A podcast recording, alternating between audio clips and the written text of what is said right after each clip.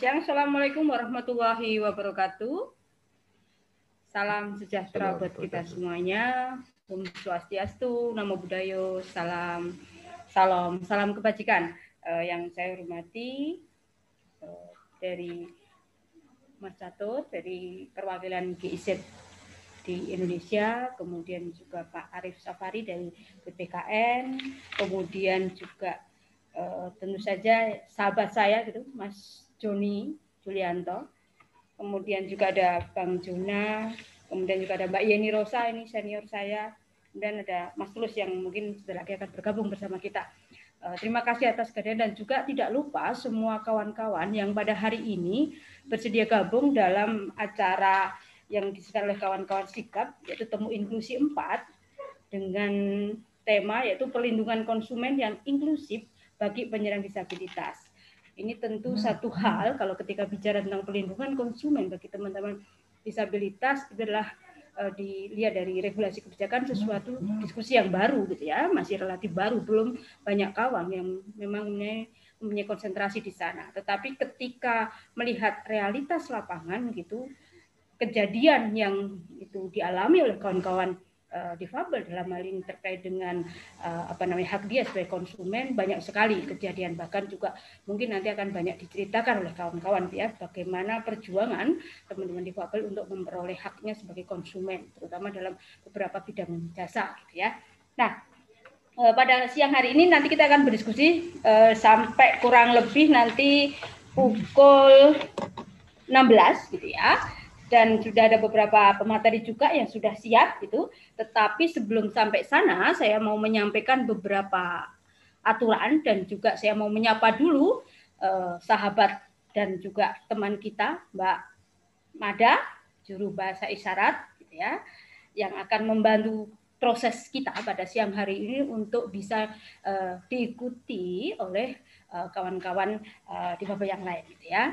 Dan tentu saja karena ada Mbak Mada yang akan membantu apa yang kita sampaikan, tentu mohon nanti Bapak Ibu eh, baik narasumber maupun teman-teman yang mau bertanya apa, agak dipelankan gitu ya biar Mbak Mada bisa menangkap dengan jelas maksud dan tujuan kita. Nah, saya juga akan menyampaikan terkait dengan aturan main selama proses Zoom yang akan kita lakukan. Yang pertama tentu sudah dilakukan oleh kawan-kawan yaitu menuliskan nama lengkap dan nama lembaga di profil Zoom-nya kawan-kawan gitu ya itu sudah dilakukan.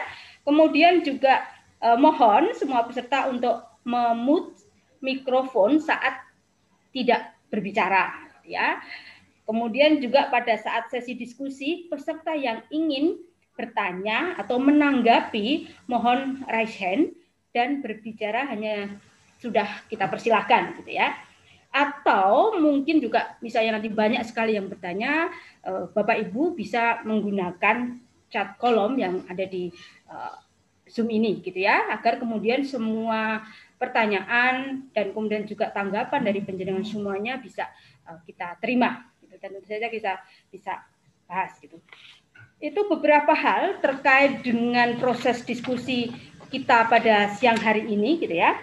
Dan tentu saja diskusi kita ini akan harapannya lebih banyak karena tadi saya sudah matur bahwa ini sesuatu yang masih agak baru sehingga uh, diskusi dan pengalaman sharing kawan-kawan semuanya tentu menjadi harapan yang uh, kita harapkan selalu sehingga memperkaya proses diskusi-diskusi kita ke depan gitu ya. Uh, karena bagaimanapun praktek teman-teman mengalami proses bagaimana sebagai konsumen gitu ya dan hak-hak kawan-kawan terlanggar itu menjadi masukan yang sangat berarti gitu ya bagi eh, teman-teman uh, baik di sikap juga baik uh, Pak Arief tentu saja ya Pak Anje di PPKN untuk uh, lebih gitu ya lebih dan lebih lagi itu membuat perlindungan buat kawan-kawan uh, difabel dalam hal ini dalam uh, perlindungan terhadap uh, konsumen gitu. Nah, meskipun gitu ya di undang-undang terkait dengan perlindungan konsumen, Undang-Undang 8 tahun 1000 Eh, 99 gitu sudah mengatur berapa hak dan kewajiban eh, konsumen gitu tetapi memang masih banyak hal terutama yang berkaitan dengan kelompok rentan. Nah, dalam hal ini tentu adalah teman-teman di difabel.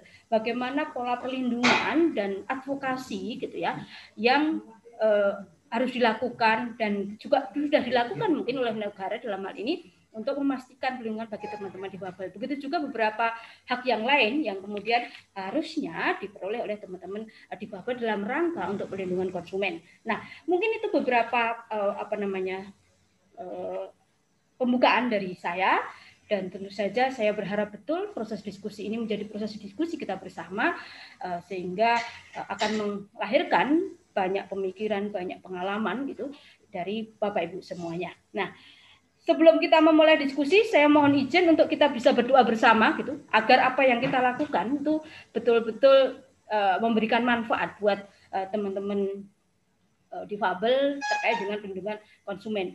Berdoa saya derekkan.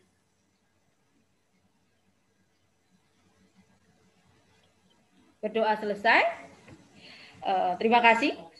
Yang pertama, kita akan mengawali gitu, diskusi kita pada siang ini dengan sambutan dari uh, perwakilan GIZ Asian Protect gitu, Bapak Catur itu mungkin uh, bisa memberikan sambutan beberapa terkait dengan proses diskusi kita pada siang hari ini. Monggo Pak, waktu saya persilakan. Baik, terima kasih Ibu Rani.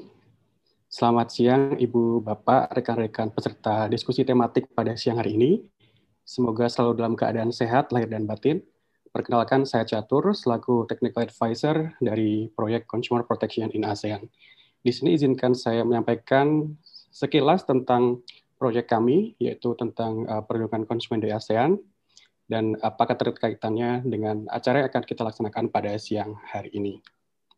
Bisa berikutnya.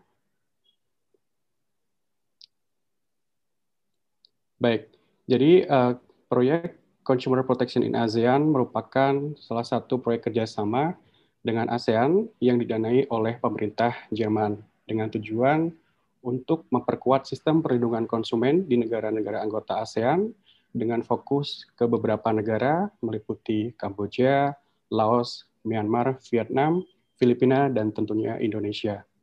Aktivitas yang kami lakukan antara lain adalah eh, dukungan terhadap reformasi kebijakan terutama dari sisi peraturan perundangan, kemudian riset dan advokasi, edukasi publik, kemudian juga kami memfasilitasi adanya dialog antar negara, kemudian juga peningkatan kapasitas, baik itu dari sisi institusi maupun dari personel otoritas perlindungan konsumen di masing-masing negara. Terkait acara pada siang hari ini, uh, adalah aktivitas yang uh, terkait dengan riset dan advokasi, di mana kami bekerja sama dengan uh, konsultan kami, yaitu Bapak Joni Yulianto, yang akan memberikan paparan tentang uh, bagaimana sejauh ini perlindungan konsumen bagi penyandang disabilitas di Indonesia. Kami uh, mengangkat isu ini dengan uh, harapan bahwa kami berharap isu-isu perlindungan konsumen juga bisa merangkul, bisa mencakup seluruh lapisan masyarakat tanpa terkecuali, terutama bagi masyarakat rentan, salah satunya dengan penyandang disabilitas. Slide selanjutnya. Nah, pada kali ini ke acara diskusi tematik siang hari ini adalah rangkaian dari kegiatan aktivitas yang uh, dilaksanakan oleh GIZ Indonesia bekerja sama dengan uh, Sigap Indonesia diwakili oleh Pak Joni Yulianto dalam penyusunan penelitian terkait perlindungan konsumen bagi penyandang disabilitas di Indonesia. Dalam hari ini, uh, Pak Joni nanti akan menyampaikan temuan sementara dari penelitian yang beliau selama ini sudah kerjakan, dan kemudian khusus pada kesempatan kali ini dalam diskusi tematik ini, kami berharap akan mendapatkan dan menggali lebih banyak masukan-masukan dari akar rumput yang bisa dimasukkan untuk rekomendasi kebijakan, khususnya nanti bagi pemerintah, baik pusat maupun daerah. Dan juga kami juga berharap bahwa isu perlindungan konsumen tidak hanya terbatas pada isu-isu konvensional, tapi juga isu-isu terkini meliputi isu-isu uh, digitalisasi pada uh, ekonomi atau e-commerce, kemudian keterkaitan dengan isu-isu yang lain seperti perdagangan lintas batas dan sebagainya. Oleh sebab itu, kami berharap bahwa diskusi tematik kali ini bisa memberikan lebih banyak substansi dan khazanah dari para narasumber dan juga dari rekan-rekan yang lain. Kemudian eh, kami berharap bahwa nanti setelah diskusi tematik ini eh, terlaksana akan ada rekomendasi-rekomendasi kebijakan, uh, substansi baru yang bisa dimasukkan ke dalam hasil riset final yang nanti akan diharapkan selesai pada akhir tahun 2020 ini. Dalam riset tersebut, kami berharap menyentuh beberapa sektor prioritas dalam perlindungan konsumen, meliputi bagaimana implementasi dari kebijakan kebijakan terkait perlindungan konsumen, bagaimana advokasi yang dilaksanakan, bagaimana penyelesaian sengketa yang uh, baik bagi uh, penyandang disabilitas dan mengakomodasi kebutuhan disabilitas, dan beberapa hal lain yang tentunya diharapkan akan mampu memberikan uh, tambahan pengetahuan dan juga informasi mengenai uh, perlindungan konsumen yang lebih merangkul dan inklusif bagi penyandang disabilitas. Kami berharap setelah nanti riset ini selesai, uh, riset tersebut bisa dijadikan dasar atau batu pijakan yang akan dipakai oleh pemerintah, khusus dalam hal ini bisa diwakilkan oleh Pak Arief nanti dari BPKN, atau juga kepada kementerian atau lembaga terkait yang langsung mengurusi kebijakan secara teknis. Kami juga berharap bahwa dialog atau diskusi tematik pada siang hari ini menjadi batu pijakan juga untuk adanya dialog-dialog lebih lanjut yang lebih fokus dan merangkul semua pemangku kepentingan meliputi pemerintah baik pusat dan daerah, pelaku usaha, asosiasi konsumen, dan tentunya organisasi penyandang disabilitas. Dan kami juga berharap bahwa nanti ke depannya organisasi penyandang disabilitas bisa terlibat dan aktif dalam forum perlindungan konsumen, di mana dalam forum perlindungan konsumen tersebut bertujuan untuk adanya interaksi atau komunikasi antar kementerian dan lembaga dan juga organisasi uh, masyarakat dalam rangka mempercepat penyelenggaraan perlindungan konsumen dan juga sebagai wadah untuk saling bertukar informasi dan juga solusi terkait masalah-masalah yang ada dalam perlindungan konsumen, khususnya dalam hal ini terkait konsumen dengan penyandang disabilitas. Uh, baik, demikian pengantar singkat dari saya. Terima, uh, selamat berdiskusi. Demikian dan terima kasih. Terima kasih Mas Tator, luar biasa ya. Beberapa hal, harapan gitu ya, dan juga terkait dengan proses riset yang dalam hal ini sedang dilakukan oleh kawan-kawan Sigap bersama dengan Mas Joni tentu uh, diskusi hari ini bisa memperkaya proses uh, riset itu dan mendapatkan masukan yang uh, substansi ya, terkait dengan perlindungan buat kawan-kawan disabilitas terkait dengan perlindungan konsumen. Nah, saya juga sebagai Komisi Informasi Daerah juga kadang bertanya terkait dengan sengketa itu seperti apa model sengketanya gitu. Apakah modelnya seperti kami dan kami juga sampai hari ini belum pernah dengar sengketa informasi berkaitan dengan hak teman-teman mengakses informasi di BUMN misalnya. Karena kan itu termasuk badan publik juga ya. Sampai hari ini saya belum pernah mendengar. Semoga nanti uh, di proses diskusi kita juga bisa mendapatkan terkait dengan informasi-informasi tersebut. Uh, terima kasih Mas uh, Cato dan kita akan berlanjut ke paparan narasumber gitu ya. Uh, mohon maaf, masing-masing narasumber akan kami beri waktu gitu ya, 10 menit gitu untuk bisa memberikan paparannya gitu. Yang pertama dari Mas uh, Mas Joni gitu ya, Mas Joni Yulianto, beliau adalah seorang pendiri dan dewan pengurus dari Sigap Indonesia dan sahabat kita dari kecil gitu dengan Mas Joni luar biasa sekarang sudah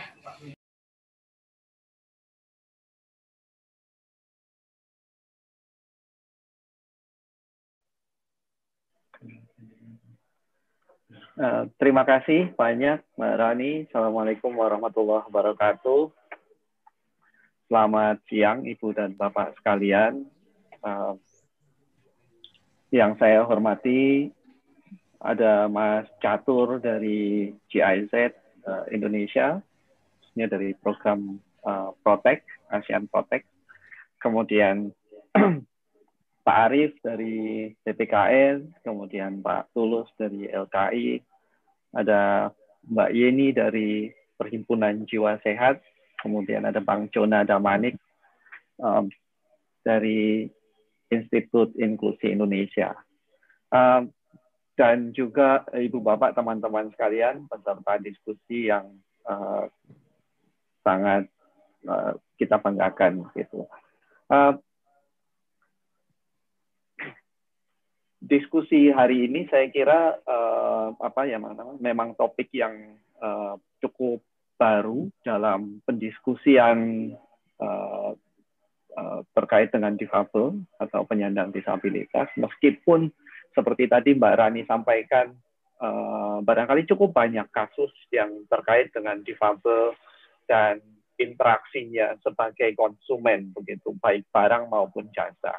Nah sehingga saya rasa uh, dalam situasi di mana uh, kebijakan terkait difabel uh, lebih maju saat ini menjadi uh, cukup penting untuk mendiskusikan isu konsumen uh, dan difabel. Meskipun sebetulnya kalau bicara tentang kebijakan konsumennya ini sudah cukup lama ya. 1999 artinya sudah berapa? 21 tahun 21 kita tahun, punya ya, kebijakan ya, perlindungan konsumen begitu. Nah, tetapi memang memperbincangkan ini dalam konteks kelompok rentan, apalagi di difabel itu uh, saya jarang mendengar. Sehingga memang sangat bisa dikatakan ini satu topik yang baru begitu. Nah, uh, baik. Semoga slide saya sudah muncul ya. Nah, saya uh, katakan di slide saya bahwa difabel ini uh, selama ini adalah di overlook consumer begitu. Jadi bahwa ternyata jumlah difabel yang menurut WHO itu 15 persen, menurut uh, apa namanya Susenas 2018, Susenas juga nggak konsisten ini jumlahnya naik turunnya lumayan drastis. Tapi saya ambil yang banyak saja 2018. Karena kalau kita ambil yang 2019 itu turun jadi 9, sekian persen gitu. Nah, eh, jumlah yang 14, sekian persen ini adalah jumlah konsumen sebetulnya. Nah, tetapi eh, nanti kita akan lihat seberapa jauh sih sebetulnya kebijakan terkait dengan konsumen ini eh, memberikan ruang kepada 15 persen dari total populasi atau kepada 14, sekian persen dari populasi di Indonesia posisinya di mana gitu. Tetapi uh, yang jelas saya ingin uh, menyampaikan kepada uh, Bapak Ibu dan teman-teman ini harus menjadi uh, pertimbangan dan pemikiran kita bahwa ada 14, sekian persen yang selama ini sebagai konsumen baik barang maupun jasa tidak terlalu terpikirkan. Nah, next. Nah, uh, siapa mereka? Difabel atau penyandang disabilitas. Jadi mohon maaf kalau saya berganti-ganti difabel penyandang disabilitas. Ini bukan bukan apa uh, istilah yang atau bukan menyebutkan subjek yang berbeda begitu. Meskipun dasar pemikiran dan definisinya adalah berbeda. Nah, kalau kita merujuk pada Undang-Undang 8 2016 intinya adalah mereka yang mengalami gangguan atau keterbatasan fisik uh, ataupun mental yang dalam waktu lama dan kemudian dalam interaksinya dengan lingkungan itu menyebabkan hambatan gitu.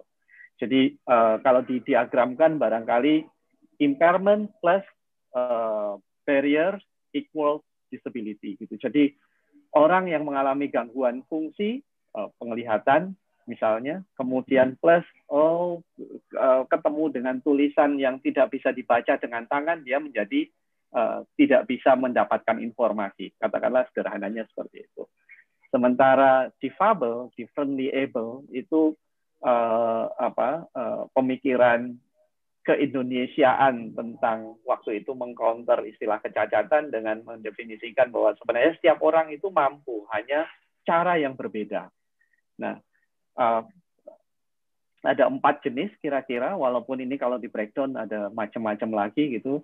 Uh, sensorik uh, uh, intelektual uh, psikososial kemudian juga uh, fisik atau motorik begitu. Dan setiap orang itu bisa mengalami lebih dari satu jadi satu atau lebih gitu dan jangan lupa ketika kita bicara tentang difabel itu bisa jadi kita bicara tentang kita sendiri. Karena apa pun sebabnya kecelakaan dan seterusnya kita bisa jadi difabel gitu. Baik long term maupun short term. Nah next um, nah um, kalau kita bicara tentang pendekatan terkait dengan isu difabel ini sebenarnya uh, secara cepat kira-kira ada tiga pendekatan ini uh, medical itu sederhananya adalah kalau bicara tentang medical approach maka pendekatannya akan selalu mengatakan apa pun problem yang terjadi dengan difabel itu adalah salah kamu sendiri. Jadi, jadi uh, sebisa mungkin kamu yang disembuhkan. Kalau dia nggak bisa naik pesawat, oh karena dia sakit, oh berarti selama sakitnya nggak sembuh, nah, padahal polio itu uh, memang karena virus, tapi begitu terjadi polio, polio nggak bisa sembuh gitu. Tapi oleh maskapai sering kali yang disalahkan polionya. Jadi selama polionya belum sembuh, kamu nggak boleh naik pesawat katakanlah gitu. Uh, itu dalam konteks jasa gitu. Jadi medical approach ini selalu uh, uh, apa, berpemikiran bahwa yang salah adalah individunya, problemnya ada di individu. Lalu ada social model of disability. Social model ini mengatakan bahwa uh, kembali lagi tadi pada bahwa disability itu adalah impairment uh, plus barriers, maka sosial model ini mengatakan yang salah bukan kondisinya, bukan kondisi individunya, bukan keterbatasan fungsinya, tapi lingkungan yang tidak bisa menjawab apa yang menjadi kebutuhan uh, difabel. Jadi kalau seorang yang uh, polio misalnya tidak bisa bermobilitas karena dia nggak disediakan kursi roda, karena tidak ada ram dan seterusnya, bukan karena polionya. Gitu karena polionya sudah nggak mungkin disembuhkan. Gitu. Nah, yang berikutnya uh, rights based model, gitu. model hak asasi manusia ini sebetulnya adalah kalau sederhananya dikatakan ini adalah bentuk institusionalisasi dari sosial model yang menganut bahwa setiap orang itu punya hak yang harus dilindungi. Siapa yang melindungi? Tentu regulator dan mengaturnya adalah negara. Nah, di sinilah uh, kemudian peran negara, kemudian perlu ada regulasi dan seterusnya. Gitu. Nah, next. Sebentar, ini malah komputer saya yang ya. Sebentar.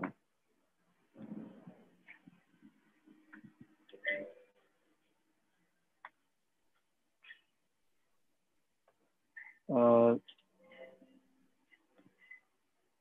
Ini komputer saya yang nggak mau bergerak ini. Uh, bisakah saya nggak usah jadi host apa co-host biar nggak muncul pop up pop up gini ya karena agak mengganggu di layar saya.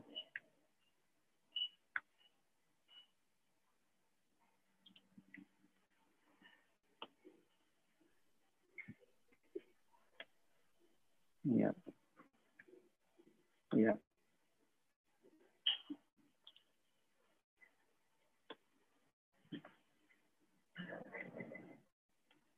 sebentar ini kok saya nggak bisa.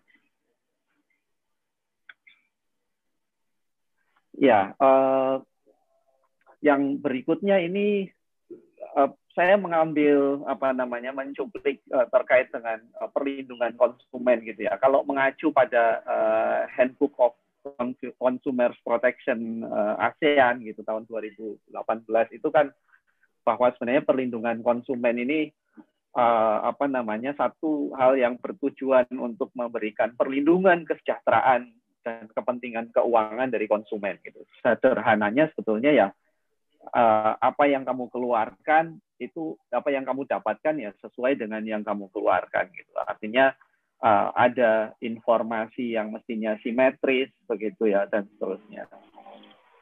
Nah, uh, dalam hal ini maka sebenarnya kalau uh, apa namanya bicara tentang substansi perlindungan konsumen semestinya tidak ada yang dikecualikan.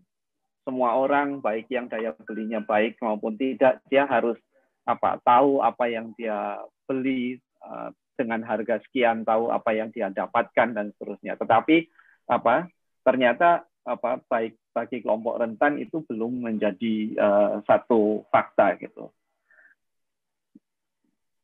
Nah, mungkin next yang terkait dengan uh, regulasi saja kita melompat yang terkait dengan regulasi. Nah, uh, saya mencoba membandingkan gitu uh, antara Undang-Undang 8 tahun 2000 tahun 1999 tentang perlindungan konsumen dengan Undang-Undang Nomor 8 tahun 2016 tentang penyandang disabilitas.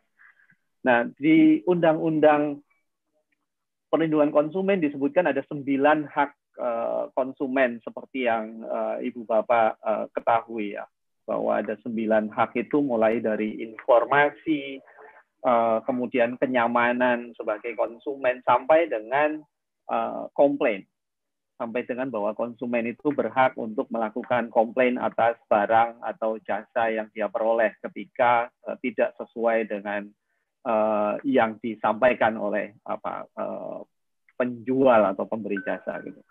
Nah, dalam konteks Undang-Undang 8 tahun 2016 tentang penyandang disabilitas, memang sama sekali tidak ada atau bukan tidak ada, uh, sangat sedikit sekali yang secara spesifik mention uh, tentang uh, perlindungan konsumen.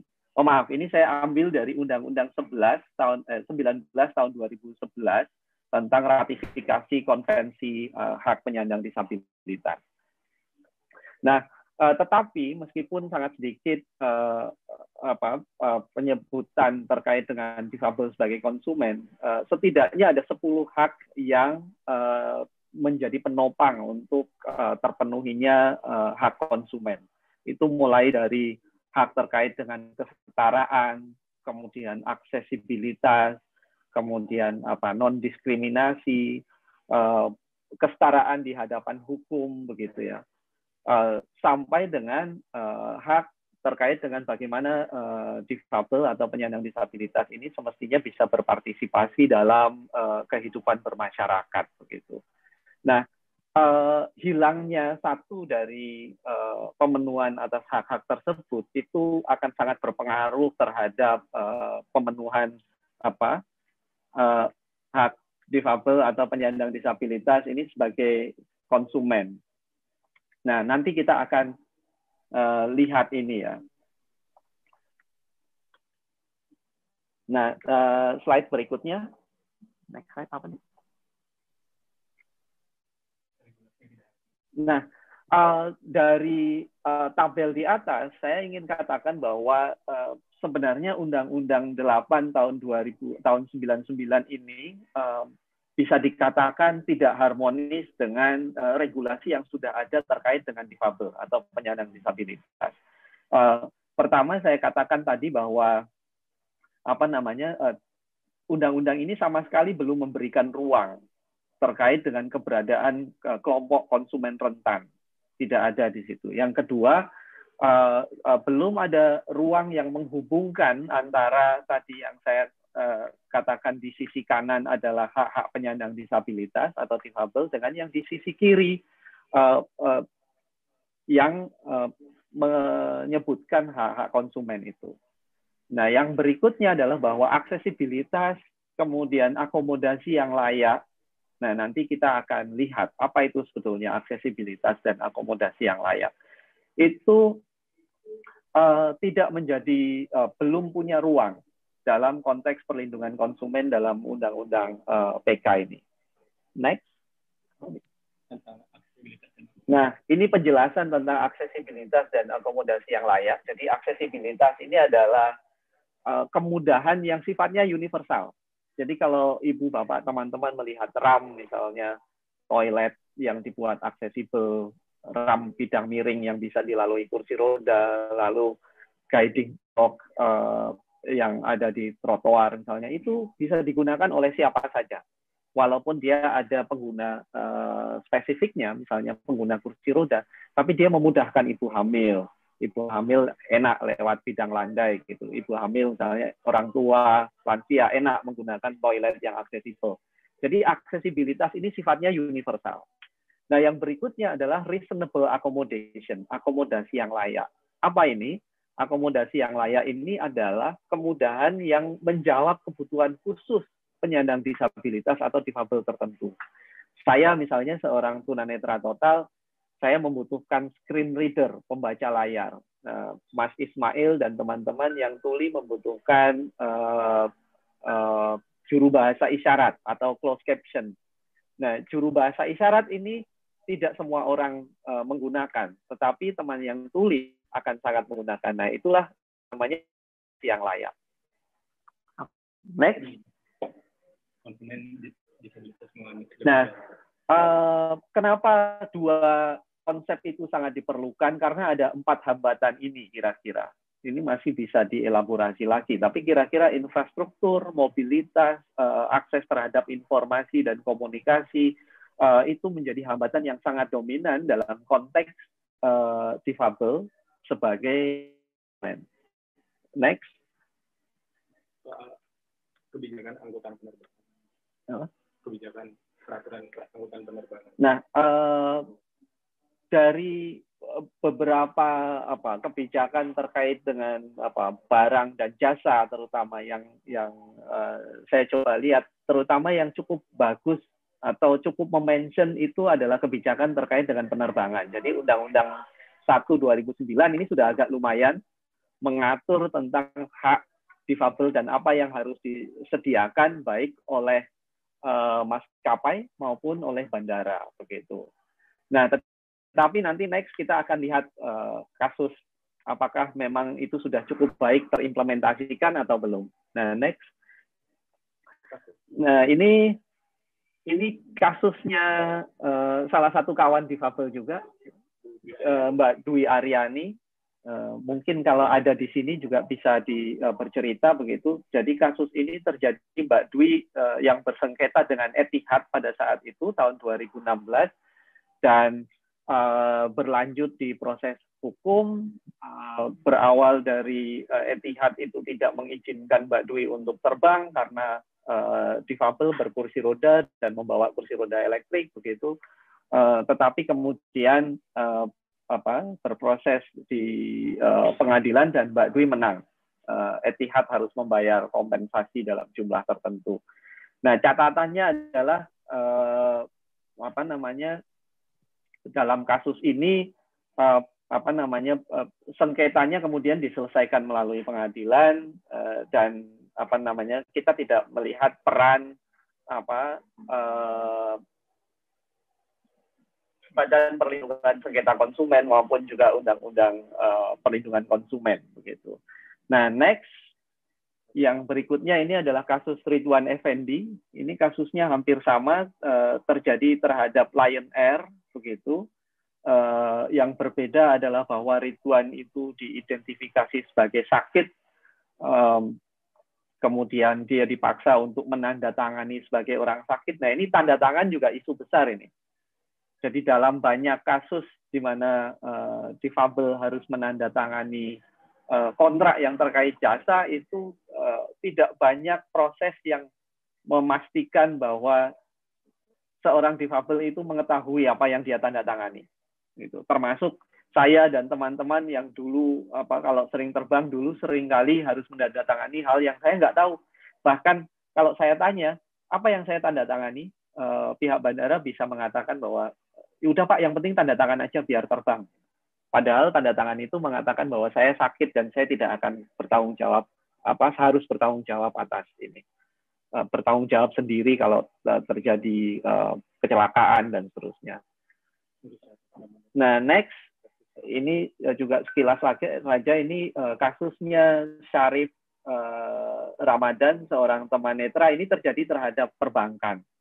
Jadi uh, karena alasan bahwa mungkin uh, apa, isu keamanan dan seterusnya dia nggak boleh buka rekening. Uh, walaupun setelah ada proses mediasi dan seterusnya, kemudian dia akhirnya bisa membuka rekening tetapi banyak kasus seperti ini yang terjadi yang tidak terselesaikan. Artinya berakhir dengan dia tetap tidak berhak untuk punya rekening bank. Nah, eh, kasus ini sebenarnya menggambarkan bahwa selama ini pandangan pelaku usaha atau penyedia jasa maupun barang terhadap difabel adalah bahwa dia sendiri yang harus take risk of what they do gitu ya resikonya harus dia ambil sendiri gitu. Artinya keamanan perbankan dan seterusnya, aksesibilitas seolah bukan tanggung jawab mereka, tapi tanggung jawab uh, orang yang menjadi konsumen yang dalam hal ini menjadi difabel. Artinya kalau kita kembali ke pendekatan tadi, pendekatan medical model itulah yang masih menjadi uh, sangat lekat begitu. Nah next, maaf ini waktunya agak panjang. Ini adalah beberapa rekomendasi. Rekomendasi yang utama agaknya kita memang banyak kekosongan kebijakan dalam hal ini, terutama ruang yang mengatur perlindungan lebih bagi kelompok rentan, khususnya difabel, dan lebih utama lagi dan lebih konkret lagi adalah yang terkait dengan aksesibilitas dan akomodasi yang layak ini sama sekali belum ada ruang dalam Undang-Undang Perlindungan Konsumen kita. Sehingga ini perlu diharmonisasi. Kita sudah punya undang-undang baru tentang disabilitas 19 2011 maupun juga 8 eh, 2016. Yang berikutnya tentu edukasi eh, edukasi konsumen ini menjadi penting tapi juga edukasi panduan serta pengawasan kepada uh, penyelenggara jasa maupun pelaku usaha. Ini yang juga sangat penting. Nah, tadi saya belum sempat singgung misalnya sekarang ini uh, the growing market adalah online gitu ya, online. Nah, uh, e-commerce itu tidak aksesibel, banyak tidak aksesibel. Bahkan uh, apa transportasi online misalnya. Saya pernah suatu ketika naik Gojek, saya bisa mengakses aplikasi Gojek dengan handphone saya gitu. Pada saat berangkat itu oke. Okay.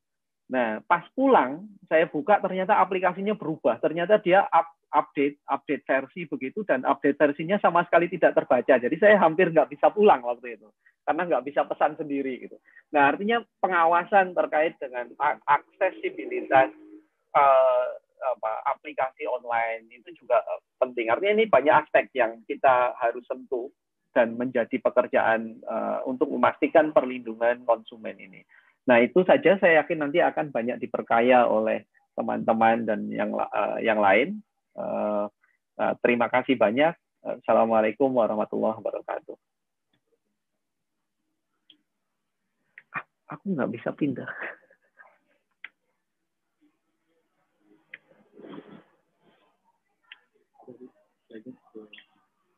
sesuai dengan paparan. Iya ya. Terima kasih Mas Joni atas paparan dan hasil dari uh, apa namanya studi mengenai perlindungan konsumen bagi penyelesaian di Indonesia. Dan kita akan bergerak ke apa namanya narasumber yang berikutnya. Dia adalah Pak Dr. Insinyur Arif Safari MBA Beliau adalah Ketua Komisi Penelitian dan Pengembangan dari Badan Perlindungan Konsumen Nasional atau BPKN. Nah, beliau akan menyampaikan beberapa hal terkait dengan ya upaya pemerintah dalam ini untuk memastikan perlindungan konsumen yang inklusif bagi penyandang disabilitas dan tentu mungkin juga beberapa hal yang sudah dilakukan berkaitan dengan uh, regulasinya seperti apa gitu. Mungkin bisa uh, ke Pak Arif waktu saya Persilakan Pak Arif, monggo.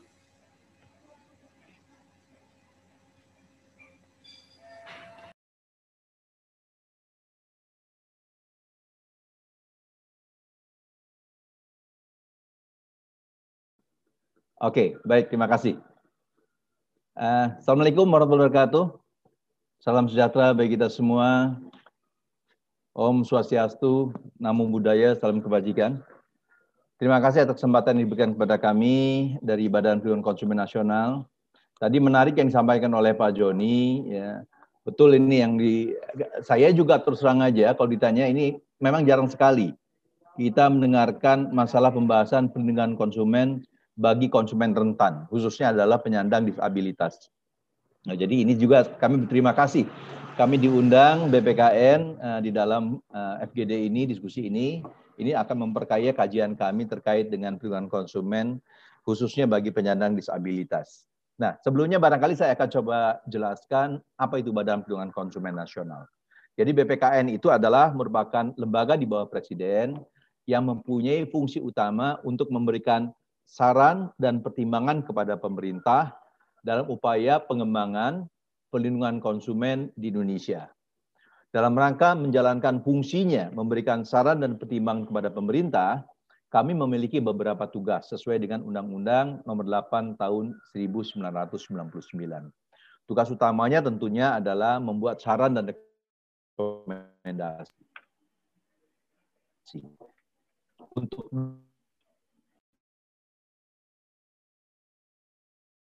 dukungan saran rekomendasi tersebut.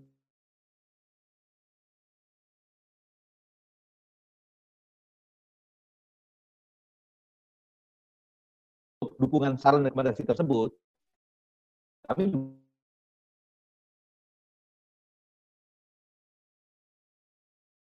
mendengarkan masukan atau pengaduan ya dari pihak konsumen kepada kami dari pihak masyarakat kepada kami ya. Nah, ini adalah tugas-tugas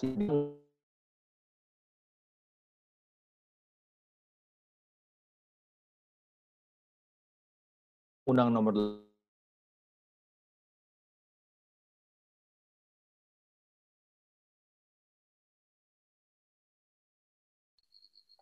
Mohon maaf Pak Arif, eh, suaranya terputus.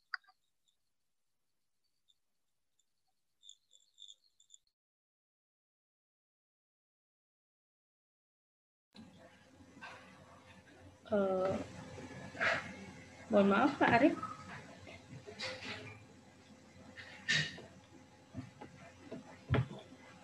Ya inilah teknologi itu begini.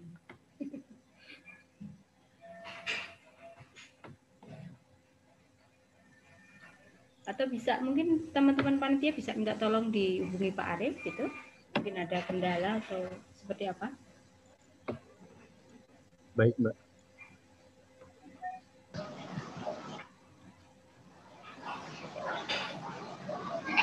biar hemat waktu mungkin narasumber yang lain dulu ya oke okay. ya saya mau bergeser ke narasumber yang lain sambil menunggu Pak Arif ya oke okay sambil menunggu Pak Arif mungkin ada beberapa apa kesalahan teknis atau bahkan mungkin sinyalnya gitu. Uh, kita akan ke Bang Jona gitu ya. Bang Jona Aman Damani beliau adalah dari Institut Inklusi Indonesia dari Persatuan Tunanetra Indonesia atau Petuni. Ada beberapa hal yang akan beliau sampaikan tentu saja sebagai uh, testimoni dari teman-teman difabel terkait dengan apa namanya apakah teman-teman difabel itu sudah terlindungi haknya sebagai konsumen yang selama ini dialami gitu ya oleh Bang Jona sendiri dan juga teman-teman uh, Pertuni tentu saja. Uh, mungkin Bang Jona bisa memberikan apa namanya testimoni pada kita semuanya terkait dengan apa yang sudah dialami oleh teman-teman. Mungkin waktu bisa kami serahkan ke Bang Jona, monggo saya persilakan. Uh, makasih Mbak. Suara saya kedengaran Mbak Nani? Siap, kedengaran. Oke. Terima kasih. Assalamualaikum warahmatullahi wabarakatuh. Salam sejahtera. Om Swastiastu, Namo Buddhaya. Salam kebajikan, Rahayu. Uh, Bapak Ibu yang saya kasihi, uh, Mas Catur dari JSF dan teman-teman narasumber lain. Terima kasih untuk kesempatan yang diberikan pada siang sore hari ini. Uh, mungkin saya singkat saja. Uh, slide presentasi saya udah kelihatan ya? Soalnya saya nggak ngeliat nih. Sudah, sudah, okay. sampun, sampun Ya, halaman pertama saya kasih judul agak nyeleneh. Disabilitas konsumen juga loh. Supaya kita jangan terlalu serius lah dalam diskusi kali ini. Nah, kenapa dengan judul seperti itu? Uh, halaman berikutnya, ada satu hal yang kita harus uh, satukan frekuensi dalam konteks uh, konsumen dan disabilitas, yaitu perspektif kita itu mesti dalam frekuensi yang sama. Tadi Mas Joni sudah menguraikan beberapa hal yang uh, kita dengarkan bersama. Jadi perspektif yang kita harus samakan frekuensi adalah pertama disabilitas itu human loh, manusia loh. Manusia pada umumnya yang memiliki kebutuhan dasar dan itu uh, menjadi haknya ketika bisa mengakses kebutuhan dasar tersebut. Jadi lihatlah disabilitas itu sebagai manusia. Itu perspektif pertama. Terus yang kedua, disabilitas itu adalah konsumen karena kedisabilitasannya. Karena keunikannya, yang Mas Joni highlight beberapa hal tadi ya dengan terminologi filosofisnya. Nah, dan ketika berbicara kedisabilitasan yang disandangnya, yang di, di, di, yang melekat pada dirinya, itu tadi Mas Jody sudah sampaikan, di sini juga saya sampaikan, ada dua hal penting di situ, yaitu berbicara reasonable akomodasi dan aksesibilitas. Nah, kita satukan dulu frekuensi kita dalam konteks disabilitas dan konsumen, supaya uh, jadi nggak aneh-aneh nanti itu. Mas Joni tadi meng-highlight nggak bisa terbang karena dia sakit, Padahal karena kedisabilitasannya gitu. Ayen zona yang buta gitu loh, bukan sakit gitu loh. Tetapi di sisi lain, ketika memang saya sakit dan buta, ya saya harus menandatangani surat saya sakit gitu karena memang itu SOP-nya penerbangan. Tapi ketika saya tidak sakit, janganlah lihat saya sebagai orang sakit. Nah, kita clear dulu lah dengan dengan uh, perspektif uh, uh, bahwa disabilitas adalah manusia pada umumnya. Yang kedua adalah disabilitas adalah uh, konsumen karena disabilitasnya. Nah, next slide-nya. Uh, ini tentang uh, ketika berbicara uh, disabilitas sebagai konsumen karena kedisabilitasannya, kita juga harus satu frekuensi dalam melihat ini. Bahwa undang-undang, kebijakan mengatakan ketika berbicara disabilitas, itu pendekatannya adalah right. Otomatis ketika disabilitas sebagai konsumen, eh, di situ ada unsur penghormatan, pelindungan, dan pemenuhan kebutuhannya karena kedisabilitasannya. Dan itu wajib. Ya, karena ini udah berbicara kebijakan negara, wajib dipenuhi oleh negara pihak ketika perspektifnya HAM. Negara pihak itu macam-macam ya. Gitu. Kita clear dulu di situ. Termasuk apa yang di highlight Mas Joni tadi, layanankah, produkkah, aksesibilitaskah, reasonable akomodasikah, atau apa pun. Jadi pendekatannya ketika berbicara konsumen dia sebagai disabilitas, saya nggak berbicara manusia pada umumnya ya, itu nanti urusannya yang tadi itu sembilan kriteria yang disampaikan Mas Joni, Undang-Undang 8 tahun 2000, eh, 1999. Nah, saya berbicara uh, uh, uh, fokus di uh, disabilitasnya. Jadi kita kita harus melihat itu dalam perspektif HAM. Di, tolong Nah, ketika berbicara uh, apa namanya uh, apa uh, disabilitas sebagai konsumen, ya tadi Mas Joni sudah meng-highlight dua, dua, dua hal, yaitu uh, kebutuhan next slide ya slide ya. Uh, ini apa nih? Nah, ketika berbicara akomodasi misalnya, contohnya ya, saya meng-highlight uh, alat bantu kemandirian dan mobilitas. Nah, bagaimana alat bantu kemandirian dan mobilitas bagi disabilitas? Ini right, haknya mereka, haknya kami. Gitu. Kemudian ada apa berikutnya? Obat-obatan. Nanti Mbak Yeni akan meng-highlight itu. Berikutnya, kebutuhan layanan terapi. Berikutnya, caregiver atau JBI dan seterusnya. Nah, ketika berbicara unsur reasonable akomodasi ini, ya, itu harus dan kudu negara pihak menyiapkan itu. Yang berikutnya ketika berbicara aksesibilitas itu ada infrastruktur dan eh, layanan publik dan serta produk. Kira-kira gitu ya. Next slide. Kita cepat aja. Nah, bagaimana disabilitas? Next slide.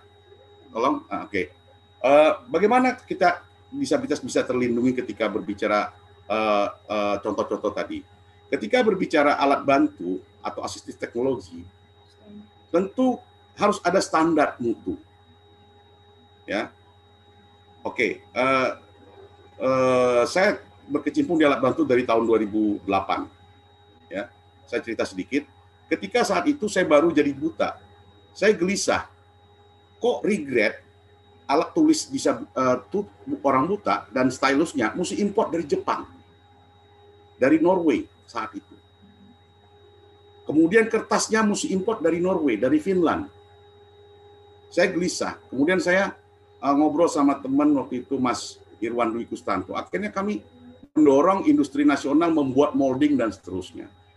Di backup sama Pak Setia di Yogyakarta yang menjadi tempat kami apa uh, mencoba-coba saat itu. Akhirnya bisa.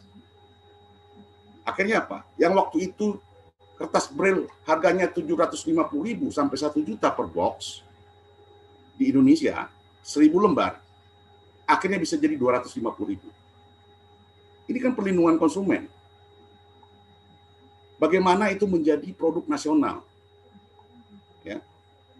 Dan sekarang lebih mudah didapatkan. Kemudian dari tahun 2016 lalu saya coba dengan eh, dan akhirnya di 2000 uh, Institut Inklusif Indonesia I3 berkolaborasi dengan CHAI, uh, Mental Health Access Indonesia, coba mengembangkan standar standar alat bantu. Ya. Alhamdulillah uh, dalam waktu dekat itu akan ada produk alat bantu adaptif wheelchair untuk anak uh, yang akan segera launching dan itu uh, kita bekerja sama dengan BSN Badan Standarisasi Nasional untuk SNI-nya kemudian uji izin edar dengan Kemenkes hal ini kan tentu akan mengensure perlindungan terhadap konsumen ketika berbicara alat bantu mobilitas termasuk yang lain-lainnya karena uh, kemarin sekitar satu bulan yang lalu kami sudah sepakat sama BSN dalam waktu dekat itu akan terstandar uh, empat alat bantu uh, wheelchair adaptif anak, modular prostese, krek sama uh, satu lagi walker. Dan ini saya highlight satu lagi, partisipasi teman-teman disabilitas sangat tinggi, termasuk menjadi anggota dari komisi teknik dari BSN itu sendiri. Termasuk kolaborasi dengan 10 perguruan tinggi di Indonesia. Ketika berbicara hal yang kedua, itu tadi alat bantu produk obat-obatan. Ya. Nanti Mbak Reni akan banyak cerita ini. Ya. Tentu juga kita akan dorong bagaimana BPOM membuat itu menjadi standar. Ya. Kemudian ketika berbicara uh, terapi, uh, akses terhadap layanan terapi misalnya, ya. kita harus dorong ada yang namanya sertifikasi profesi sehingga teman-teman disabilitas yang membutuhkan layanan tersebut terlindungi dari sisi mutu dan SOP dan seterusnya. Nah, ketika berbicara caregiver, ini masih masih masih sangat jarang ya. Saya kalau bisa belajar ke, ke keluar Indonesia, di sana itu tersertifikasi caregiver. JBI atau eh, bahasa isyarat itu ada sertifikasinya. Itu. Nah, akhirnya ketika berbicara reasonable akomodasi, teman-teman disabilitas terlindungi hak-hak dengan apa yang saya ungkapkan tadi. Nah, ketika berbicara aksesibilitas sama, Mas Joni sudah meng-highlight, infrastruktur itu harus universal design. Kalau tadi Mas Joni bilang bidang landai itu akan membuat ibu-ibu hamil, lansia itu akan lebih nyaman ketika jalan sidu. Bahkan lebih dari itu Mas Joni. Mbak Rani yang pakai high heel itu akan enak jalan di situ. Bisa berlenggak-lenggok di situ. Daripada dia ngetrap-ngetrap naik tangga universal design ini itu penting ketika berbicara infrastruktur. Nah, ketika berbicara layanan, ya. Next slide.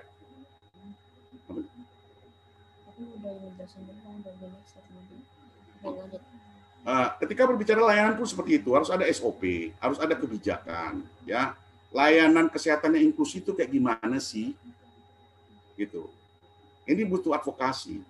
Sehingga kebijakan yang berupa SOP, Kemudian satu lagi, ketika misalnya di layanan publik, gitu ya, itu sertifikasi layanan publik yang inklusi itu seperti apa? Belum ada di Indonesia.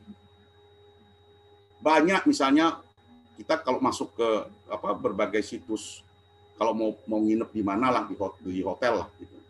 Kita cari, wah katanya hotelnya aksesibilitas buat disabilitas, buat difabel. Indikatornya apa? Adakah standar di situ? Belum, belum sama sekali itu tersertifikasi. Jadi sertifikasi itu sangat penting dan standar itu jadi sangat penting ketika berbicara perlindungan konsumen disabilitas karena kedisabilitasannya yang merupakan right, yang merupakan hak. Nah, ketika berbicara produk sama harus ada standarisasi buku. Layanan harus ada standar, SOP, produk pun sama, gitu ya harus ada standarnya. Next slide. Ini apa nih?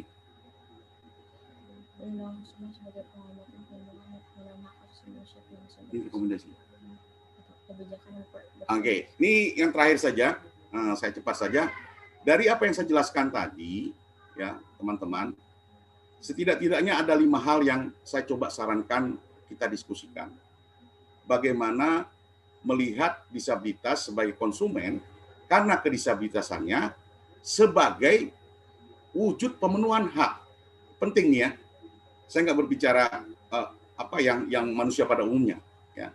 Yang pertama adalah perlunya kebijakan. Tadi Mas Joni sudah meng-highlight itu kebijakan yang berperspektif HAM dalam konteks ini. Masa, bahasa Mas Joni tadi kan ada harmonisasi dan seterusnya. Itu yang pertama. Terus yang kedua, data yang terintegrasi dan holistik. Ketika berbicara berbasis HAM, berarti ada data yang yang terjadi sekarang sering terjadi uh, pemerintah berusaha mendeliver uh, kebutuhan tersebut.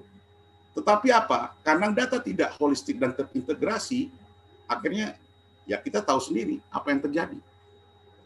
Data menjadi sangat penting ketika berbicara perlindungan konsumen disabilitas. Yang ketiga adalah sistem perencanaan penganggaran dan sistem penganggaran perlindungan sosial ada dua ya. Itu harus berperspektif HAM. Kenapa saya bilang kayak gitu? Contoh, ini lagi COVID. Ketika berbicara bansos sembako, misalnya lah ya, perspektifnya apa ketika berbicara disabilitas? Saya kan konsumen. Even saya dan Mas Joni atau Mbak Yeni merasa tidak membutuhkan sembako tersebut, tetapi ketika berbicara saya, Mas Joni, dan Mbak Yeni sebagai disabilitas, itu hak kami. Setelah itu saya mau kasih ke siapa, itu urusan kami. Tetapi perspektif bagaimana sistem penganggaran dan sosial proteksi itu berbasis HAM, itu penting jangan itu satu. Terus yang kedua misalnya contoh gini, coverage uh, uh, uh, sosial proteksi BPJS misalnya. Nanti Mbak Mbak Yeni akan meng-highlight itu dengan obat-obatan. Ketika berbicara alat bantu, alat bantu dengar yang di cover cuma satu setengah juta. Ada nggak alat bantu dengar yang harganya satu setengah juta untuk teman-teman tuli? Karena apa? Perspektifnya bantuan, bukan HAM. Terlindungi nggak konsumen disabilitas? Nggak terlindungi. Jadi sistem penganggaran dan sistem sosial proteksi harus perspektifnya HAM. Itu saya highlight banget. Kalaupun saya miliuner, zona miliuner, tapi ketika berbicara tongkat putih saya, itu wajib hukumnya. Negara pihak memenuhinya ketika perspektifnya HAM. Walaupun harganya cuma 150 ribu. Yang terakhir, yang kelima, yang saya highlight. Eh, yang keempat. Nah, sistem mekanisme perencanaan, pengadaan, dan monitoring evaluasi harus holistik. Dari pusat sampai ke daerah. Kita tahu sekarang otonomi daerah. Semua resource dana itu ada di daerah. Kebijakan sudah ada di nasional. Di daerah kayak gimana? Perspektifnya holistik nggak? Masih hak? Masih bantuan nggak?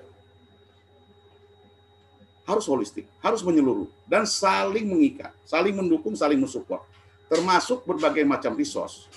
Misalnya lah, ada satu company mau CSR alat bantu misalnya. Mbok ya mereka jangan jalan sendiri. Lihatlah database yang ada. Koordinasilah dengan dengan dengan uh, uh, government setempat dan seterusnya. Yang lucu tuh kadang-kadang ada empat teman dapat empat kursi roda, sementara ada yang lima tahun udah ngantri nggak dapat kursi roda ini kan satu hal yang sangat prihatin. Ketika berbicara disabilitas adalah konsumen terhadap alat bantu berdasarkan uh, kebutuhan disabilitas dan HAM-nya. Yang terakhir, yang saya sangat highlight adalah yang kelima, partisipasi disabilitas ketika berbicara semua apa yang akan kita bicarakan dalam diskusi ini. PP 70 tahun 2019 meng-highlight itu. Yang tahu tentang ini semua tentu teman-teman disabilitas. Nothing about us without us. Disabilitas konsumen juga loh. Assalamualaikum warahmatullahi wabarakatuh. Waalaikumsalam warahmatullahi wabarakatuh. Terima kasih Bang Jon atas uh, apa namanya sharingnya gitu ya. Juga nanti mungkin bisa ditambahkan mungkin pengalaman real bagaimana uh, Bang Jona dan kawan-kawan melakukan advokasi gitu ya terkait dengan pelanggaran uh, hak konsumen ataupun juga teman-teman yang mengalami pelanggaran konsumen misalnya di bandara mungkin nanti bisa juga diceritakan ke kawan-kawan untuk bisa memperkaya uh, apa namanya pengetahuan dan tentu saja membuat peta terkait dengan pelanggaran konsumen itu menjadi lebih lebih apa lebih jelas gitu ya. Uh, terima kasih. Dan kita akan kembali ke Pak Arief itu Pak Arief sudah bersama kita lagi untuk bisa menyampaikan tadi melanjutkan paparannya. Monggo saya persilakan Pak Arief. Baik, makasih Mbak. Mohon maaf Mbak Rani, tadi terputus sinyalnya. Saya Ije, sudah ganti Baik, Itulah jadi saya jelaskan tadi ya mengenai BPKN. Jadi Badan Pelindungan Konsumen Nasional adalah lembaga yang dibentuk berdasarkan Undang-Undang Nomor 8 Tahun 99. Lembaga ini berada di bawah Presiden dan fungsi utamanya adalah memberikan saran dan pertimbangan kepada pemerintah ya dalam upaya mengembangkan perlindungan konsumen di Indonesia. Jadi kita bukan penanggung jawab penyelenggaraan perlindungan konsumennya, di mana penanggung jawab penyelenggaraan konsumennya itu adalah di kementerian lembaga, sedangkan kami sebagai advisernya kepada pemerintah. Nah, dalam rangka menjalankan fungsi utama ini, kita memiliki beberapa tugas sesuai dengan undang-undang. Yang utama tentunya adalah memberikan saran dan rekomendasi kepada pemerintah. Ya. Kedua adalah melakukan penelitian dan pengkajian dalam rangka mendukung pemberian saran dan rekomendasi tersebut. Kemudian melakukan penelitian tentang keamanan barang dan jasa kemudian juga melakukan survei tentang kebutuhan konsumen gitu ya. Dan juga kita mendorong pertumbuhan uh, berkembangnya lembaga perlindungan konsumen swadaya masyarakat sepertinya YLKI dan lain-lain. Juga kita menyebarluaskan informasi tentang perlindungan konsumen kepada masyarakat dan yang terpenting juga kita menerima pengaduan dari masyarakat terkait dengan adanya hak-hak yang dilanggar oleh pihak pelaku usaha. Itu adalah tugas kita. Nah tentunya kalau kita bicara masalah perlindungan konsumen, kita akan bicara masalah pemberdayaan konsumen. Bagaimana sih kita bisa mengetahui konsumen kita sudah berdaya atau tidak? Nah, jadi ada yang namanya indeks keberdayaan konsumen di Indonesia itu. Nah ini yang biasanya dilakukan surveinya oleh Kementerian Perdagangan, dilakukan setahun sekali. ya. Nah, di tahun 2019 yang lalu, dari tujuh dimensi yang diukur, itu nilai indeks keberdayaan konsumen kita angkanya 41,7. Apa maknanya 41,7? Artinya kita masuk dalam kategori konsumen kita baru sampai ke tahap mampu. Mampu memahami hak dan kewajibannya, tapi belum bisa mengoptimalkan ya pemulihan akan haknya. Sedangkan itu nilainya 41,7 itu antara range 40 sampai 60.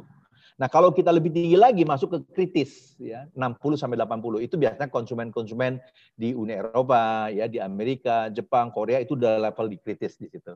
Nah, sedangkan yang terakhir adalah konsumen berdaya yang nilainya 80 ke atas. Nah, kita belum sampai sana. Dari tujuh dimensi yang diukur, ada dua dimensi yang kelihatannya masih rendah di kita ini. Ya, yang pertama adalah dimensi mengenai pemahaman undang-undang perlindungan konsumen. Artinya pemahaman terhadap hak dan kewajiban baik konsumen maupun pelaku usaha.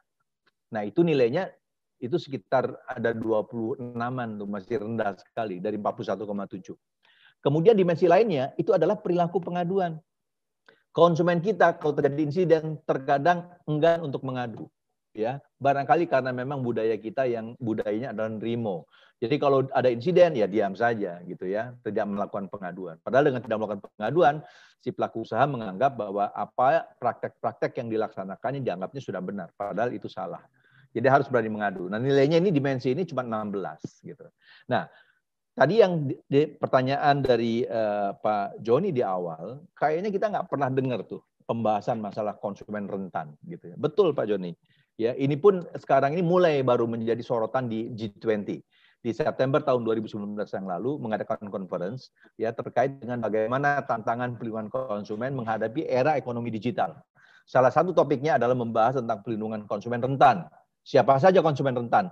Konsumen anak-anak, orang tua, dan juga konsumen disabilitas ya dalam rangka menghadapi di era digital ke depan ini. Nah, ini sudah menjadi concern daripada perhatian dunia.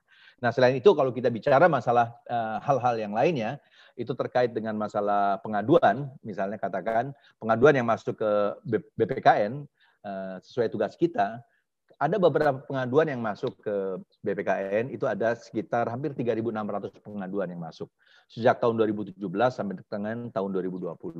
Angkanya memang meningkat dari 2017, 2018 sampai 2019.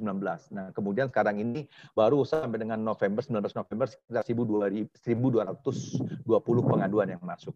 Nah, apa saja pengaduan yang masuk ke BPKN itu adalah mayoritas dari sektor perumahan, 69 persennya.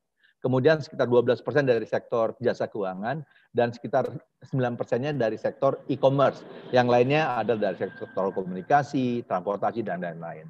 Nah, permasalahan apa sih yang dihadapi dari masing-masing pengaduan tersebut? Untuk sektor perumahan, permasalahan yang sering diadukan kepada kami itu terkait masalah legalitas dari tanah yang diperjualbelikan.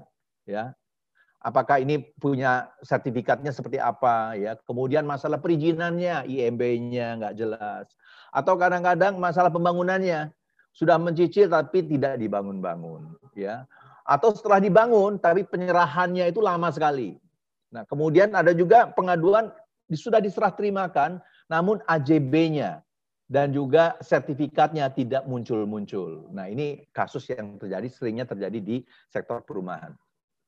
Kemudian kalau di sektor keuangan ada terkait dengan masalah leasing kendaraan, ya kendaraan yang ditarik di tengah jalan, ya. Ada juga masalah kredit perumahan, ya. Ada juga masalah pembobolan kartu kredit itu yang diadukan kepada kami di BPKN. Sedangkan untuk sektor e-commerce eh, belakangan ini masuk ke kami terkait dengan masalah pembobolan akun konsumen di marketplace yang akhirnya ini data phishing yang sering terjadi. Kemudian data-data ini digunakan disalahgunakan oleh orang tersebut untuk membobol rekening daripada si nasabah di perbankan dan tempat lainnya.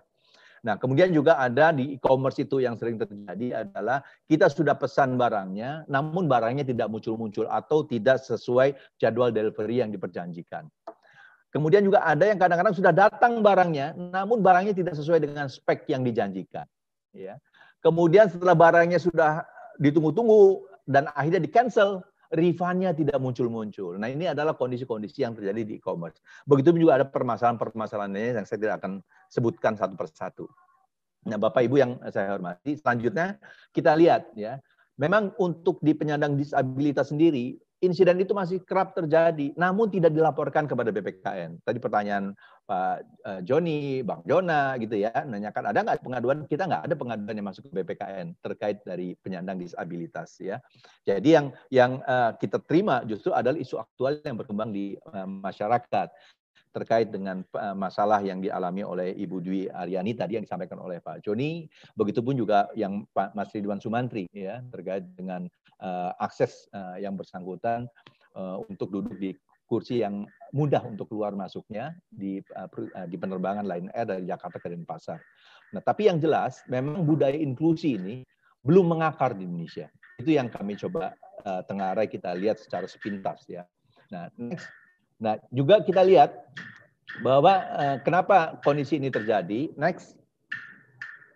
Nah, sekali lagi ini terjadi padahal kalau memang ada insiden-insiden yang sering berulang terjadi ya apalagi tadi ada insiden dari penyandang disabilitas seperti tadi maka kita yakini apabila konsumen merasa haknya tidak terlindungi maka tidak akan timbul kepercayaan dalam bertransaksi. Kalau tidak timbul kepercayaan dalam bertransaksi akibatnya apa? Tidak akan terjadi transaksi itu. Kalau tidak ada terjadi transaksi maka ekonomi tidak akan berputar. Siapa yang rugi? Pemerintah juga nantinya rugi oleh karena itu, betul, negara harus hadir dalam rangka melakukan perlindungan kepada konsumen ini. Dengan negara hadir melakukan perlindungan kepada konsumen, sehingga konsumen merasa apa? Hak-haknya terlindungi, sehingga memiliki kepercayaan dalam bertransaksi. Kalau dia sudah memiliki kepercayaan bertransaksi, tentunya akan terjadi transaksi dan perputaran roda ekonomi ke depan. Next. Nah, Bapak Ibu yang saya hormati, kalau kita melihat tujuan daripada perlindungan konsumen, tadi dikatakan ada tiga model oleh Pak, Pak Joni ya. Ada model medis, model sosial, ada model HAM ya. Jadi kalau dilihat dari Undang-Undang uh, Perlindungan Konsumen nomor 8 tahun 99 tentu uh, memposisikan uh, masyarakat sebagai konsumen ya. Itu ada tujuannya.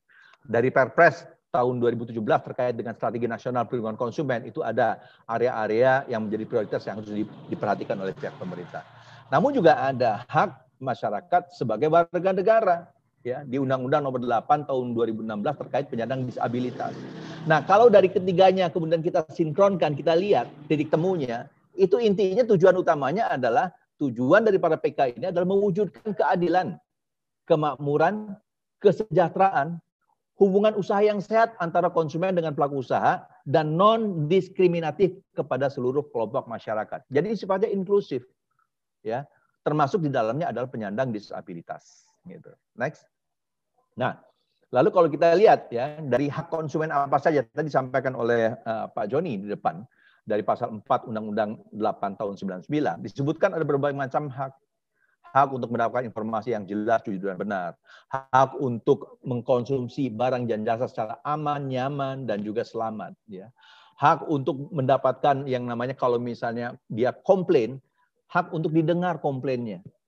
Kalau misalnya haknya dilanggar, hak untuk mendapatkan ganti rugi atau kompensasi. Dan yang terpenting di sini adalah hak untuk diperlakukan atau dilayani secara benar dan jujur serta tidak diskriminatif. Di mana hak ini, ini adalah hak sebetulnya awal yang bisa berpengaruh kepada hak-hak lainnya. Nah, sebagaimana tadi hak sebagai orang warga negara, hak sebagai penyandang disabilitas yang diatur dari Undang-Undang 8 tahun 2016. Nah, kalau kita lihat next, ya, dari hak tersebut, maka kita melihat hak sebagai penyandang disabilitas itu ada hak hidup, hak bebas dari stigma, hak privasi, berbagai macam hak yang lainnya. Namun saya garis merah ini, garis merah di sini ada tentang aksesibilitas, ya. Kenapa? Karena saya melihat bahwa hak aksesibilitas ini adalah hak yang penting ya berupa fasilitas kemudahan dalam mewujudkan kesamaan kesempatan dengan yang non disabilitas di setiap lini kehidupan. Jadi kalau dipercepat ya Pak J, yang sewu. G, monggo siap. Ini baru saya baru mulai. Next, ya. Next. Nah, jadi hak konsumen disabilitas sebagaimana Undang-Undang 22 tahun 2009 disebutkan perlakuan khusus bagi penyandang cacat, manusia usia lanjut, anak-anak, wanita hamil dan orang sakit ya. Menyatakan bahwa pemerintah pemerintah daerah dan atau perusahaan angkutan umum ya ini kita ambil contoh di transportasi darat Ya. Mereka wajib memberikan perlakuan khusus di bidang lalu lintas dan angkutan jalan kepada penyandang cacat, usia lanjut, anak-anak, wanita hamil, dan orang sakit. Apa saja sih perlakuan khususnya? Baik berupa yang namanya aksesibilitas, prioritas pelayanan, maupun fasilitas pelayanan. Nah, kalau kita tanyakan, kalau mereka tidak memenuhi hal tersebut dan tidak menyediakan pelayanan khusus tersebut, maka sesuai pasal 244 dikatakan bisa terkena sanksi administratif. Peringatan tertulis, denda administratif, pembekuan izin dan atau pencabutan izin. Nah, jadi permasalahannya sekarang di sini apakah betul pemerintah sudah melakukan ya penegasan terhadap aturan-peraturan ini untuk yang di transportasi darat saja contohnya ya. Dan apakah iya sudah dilakukan pengawasan yang memadai sehingga kalau misalnya ada pelaku usaha yang tidak sesuai diberikan sanksi administratif. Ya. Kalau tidak, maka si pelaku usaha menganggap bahwa praktek yang dia lakukannya dianggapnya benar. Sehingga apa tidak ada efek jerah dan tetap saja berlanjut seperti itu dan akses kepada penyandang disabilitas tadi tetap saja tidak bisa terpenuhi. Nah, ini yang jadi kenyataannya. Next, ini sebagai contoh misalnya untuk di MRT misalnya, itu ada ya blok taktil yang untuk memandu, mengguide namanya penyandang tunanetra untuk bisa masuk ke stasiun. Ada fasilitas lift, ya, ada ram khusus untuk masuk naik ke kereta bagi yang tunadaksa supaya kursi rodanya bisa masuk. Kemudian juga kita lihat ada memberikan prioritas pelayanan naik dan turun kepada penyandang disabilitas diberikan prioritas awal gitu ya. Dan berikutnya juga ada contoh lain di sini gambar adalah terkait dengan masalah tadi ada fasilitas pelayanan khusus, ada toilet umum ya, kemudian ada pelayanan personal care atau personal assistant yang membantu para penyandang disabilitas ya. Namun apakah semuanya sudah seperti itu? Saya yakin belum. Ya, ini bahan contoh dari penyandang uh, uh, disabilitas treatment yang dilakukan oleh pihak MRT Jakarta. Oleh karena itu, kami di BPKN dari hasil ini kami melihat perlu kita akan lakukan kajian ke depan lebih jauh ya terkait bagaimana sosialisasi dan edukasi serta akses informasi bagi konsumen disabilitas sudah dijalankan dengan baik atau belum. Kita akan juga lakukan kajian tentang penyediaan aksesibilitas, prioritas pelayanan dan fasilitas pelayanan yang ramah disabilitas khususnya pada pelayanan publik. Ada atau tidak? atau sempurna atau belum. Kemudian juga penyediaan layanan pengaduan yang ramah konsumen disabilitas. Ini yang akan kita kaji, yang tentunya akan lihat dari seluruh wilayah perhatian kita, seluruh sektor, termasuk di dalamnya untuk sektor ekonomi digital. Harapannya apa? Harapannya dari kajian ini yang kita akan laksanakan tahun depan, insya Allah kita akan bisa memberikan rekomendasi untuk membangun suatu sistem dengan konsumen yang inklusif terhadap seluruh kelompok masyarakat, termasuk dalamnya adalah penyandang disabilitas. Demikian kira Bu Reni. Paparan dari Baik, saya. Bapak. Terima kasih. Wah, ngebut ya Pak J, nyun sewu.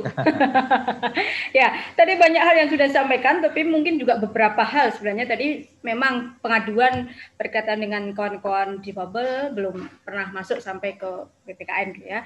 Tetapi ya. apakah dalam proses misalnya proses apa namanya uh, pembuatan regulasi teman-teman apa organisasi penyandang disabilitas pernah diikutkan atau tidak. Mungkin itu juga yang menjadi penting gitu ya.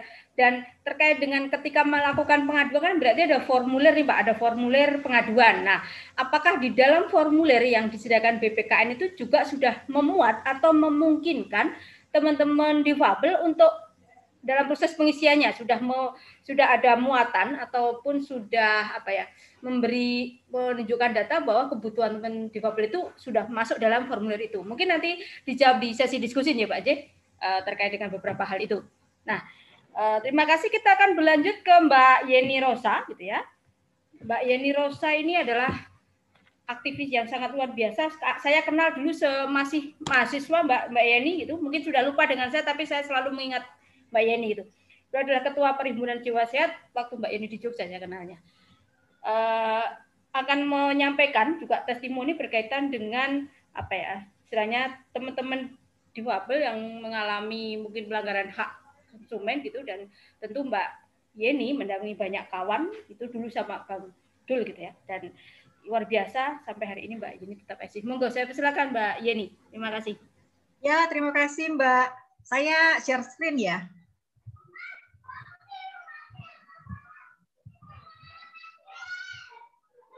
Apakah sudah terlihat? Sebentar, belum Mbak. Ah, sudah, sabun. Sudah, sudah. Sudah ya, oke. Okay. Ya.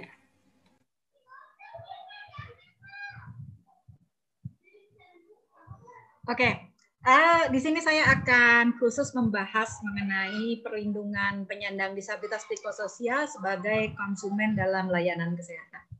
Nah, sebentar.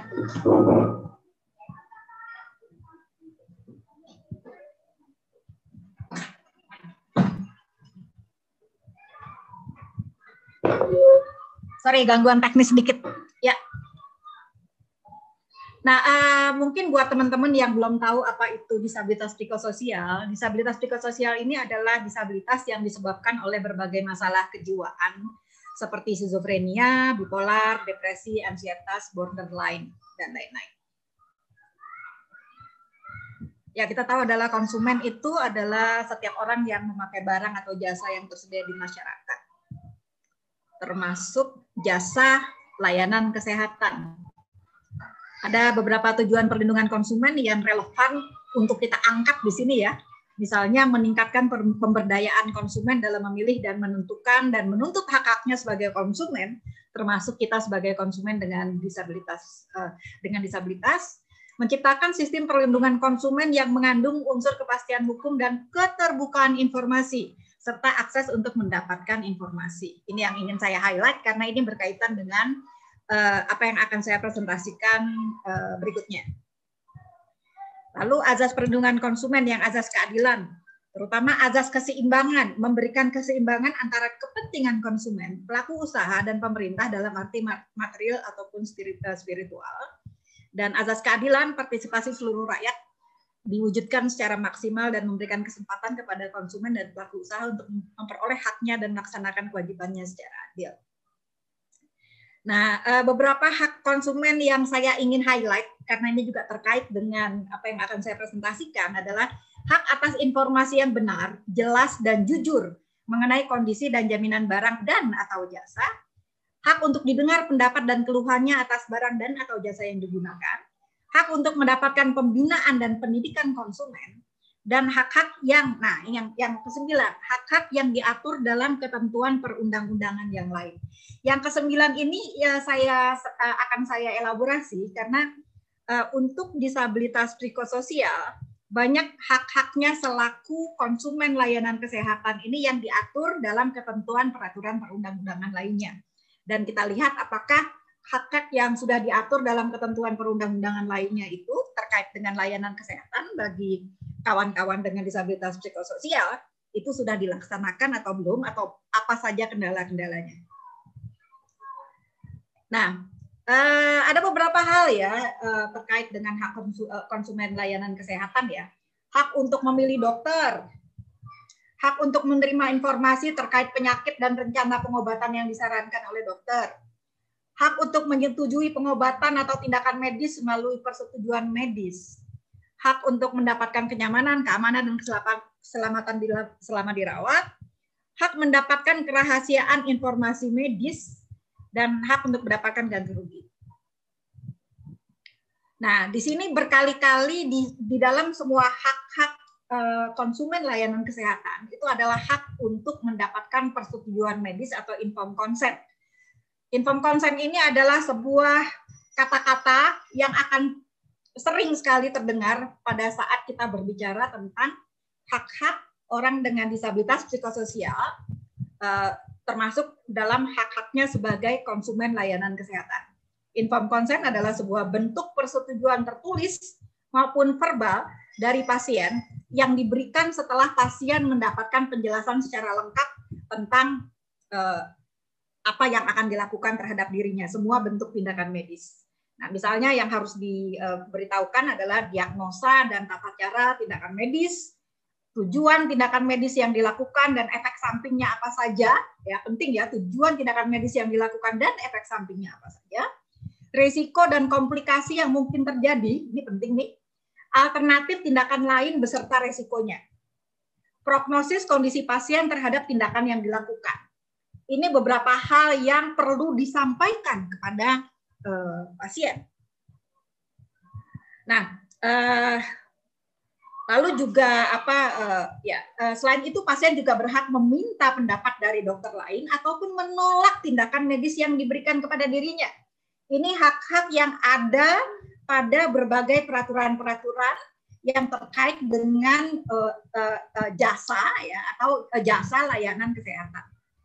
Uh, termasuk di sini ada kewajiban dari rumah sakit sebagai provider service ya, service provider. Eh, kita bisa lihat ada hak-hak dari konsumennya yaitu pasien. Mengajukan pelayanan eh, kemudian mendapatkan privasi dan kerahasiaan informasi medis terkait diagnosa yang diderita. Termasuk data-data rekam medisnya.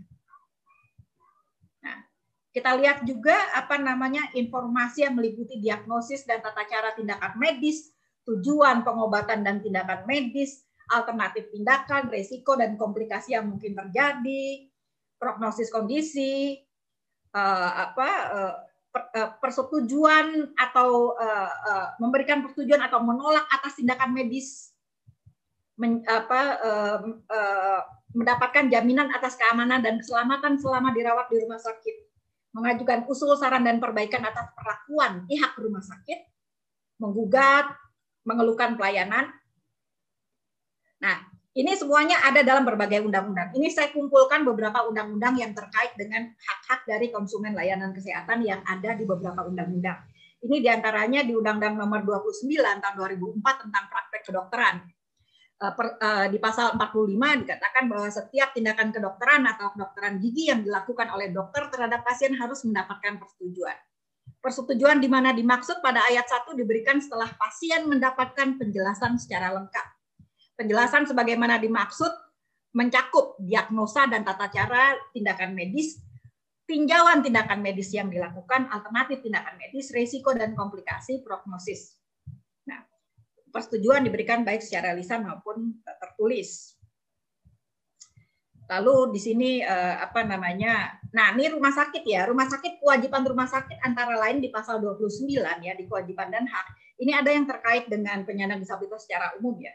Setiap rumah sakit mempunyai kewajiban, saya kutipkan beberapa di antaranya. Poin I, menyediakan sarana dan prasarana umum yang layak, antara lain sarana ibadah, parkir, ruang tunggu, sarana untuk orang cacat, wanita menyusui, anak-anak dan lanjut usia. Jadi sarana untuk orang cacat ini masih menggunakan kata-kata cacat ya. Eh, sudah tercantum di dalam eh, Undang-Undang Nomor 44 tahun 2009 tentang rumah sakit kita ketahui masih banyak rumah sakit maupun layanan kesehatan lainnya yang belum memiliki fasilitas ini. Memberikan informasi yang benar dan jelas dan jujur mengenai hak dan kewajiban pasien, menghormati dan melindungi hak-hak pasien. Apabila uh, ada pelanggaran akan diberikan teguran, teguran tertulis, denda dan pencabutan izin rumah sakit. Lalu di Undang-Undang Nomor 44 Tahun 2009 tentang rumah sakit juga disebutkan bahwa pasien itu uh, memiliki hak untuk memperoleh informasi tentang hak dan kewajiban pasien, memperoleh layanan yang manusiawi, adil, jujur, dan tanpa diskriminasi. Saya bacakan saja yang saya anggap sebagai hal-hal yang sangat relevan mengajukan pengaduan atas kualitas pelayanan yang didapatkan, meminta konsultasi kepada dokter lain, dan mendapatkan privasi atas eh, dan kerahasiaan penyakit yang diderita termasuk data-data medisnya. Nah, lumayan kan kalau kita lihat nih apa namanya eh, apa perlindungan konsumen layanan kesehatan yang ada di beberapa perundang-undangan. Lalu masalahnya di mana? Hmm. Lumayan banget ya, banyak banget. Masalahnya maaf kesel nah nah ini ini udah aturan-aturannya ada ya terkait dengan inform konsep. Masalahnya aturan-aturan yang indah di atas itu tidak berlaku bagi orang dengan disabilitas psikososial. Coba kita lihat. Undang-Undang Nomor 36 Tahun 2009 tentang Kesehatan menegasi semua yang tadi sudah dikatakan di atas.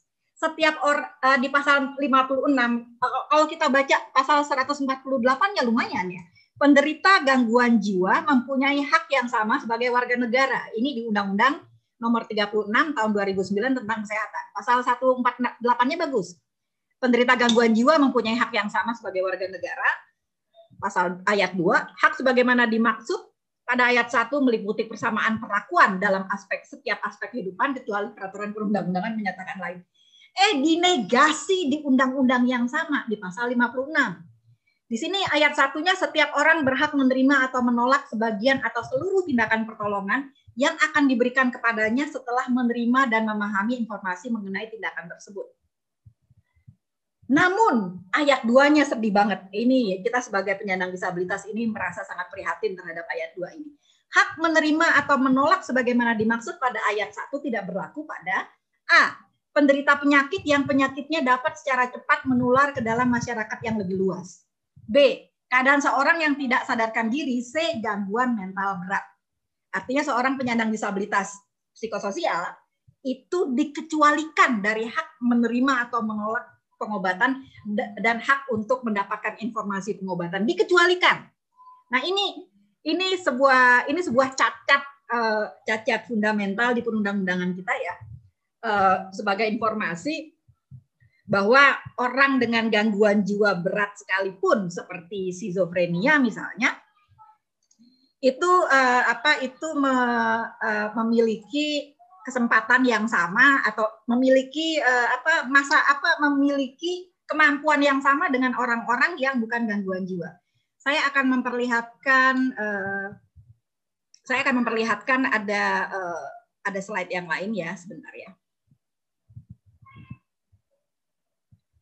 Maaf.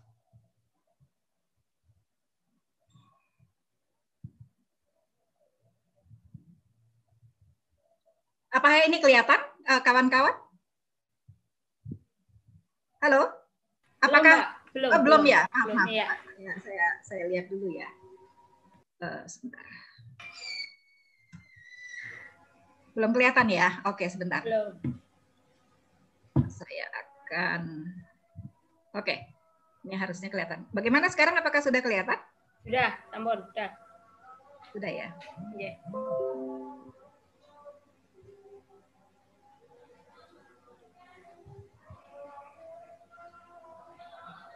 Oke, saya ingin memperlihatkan Bentar. Saya akan memperlihatkan uh,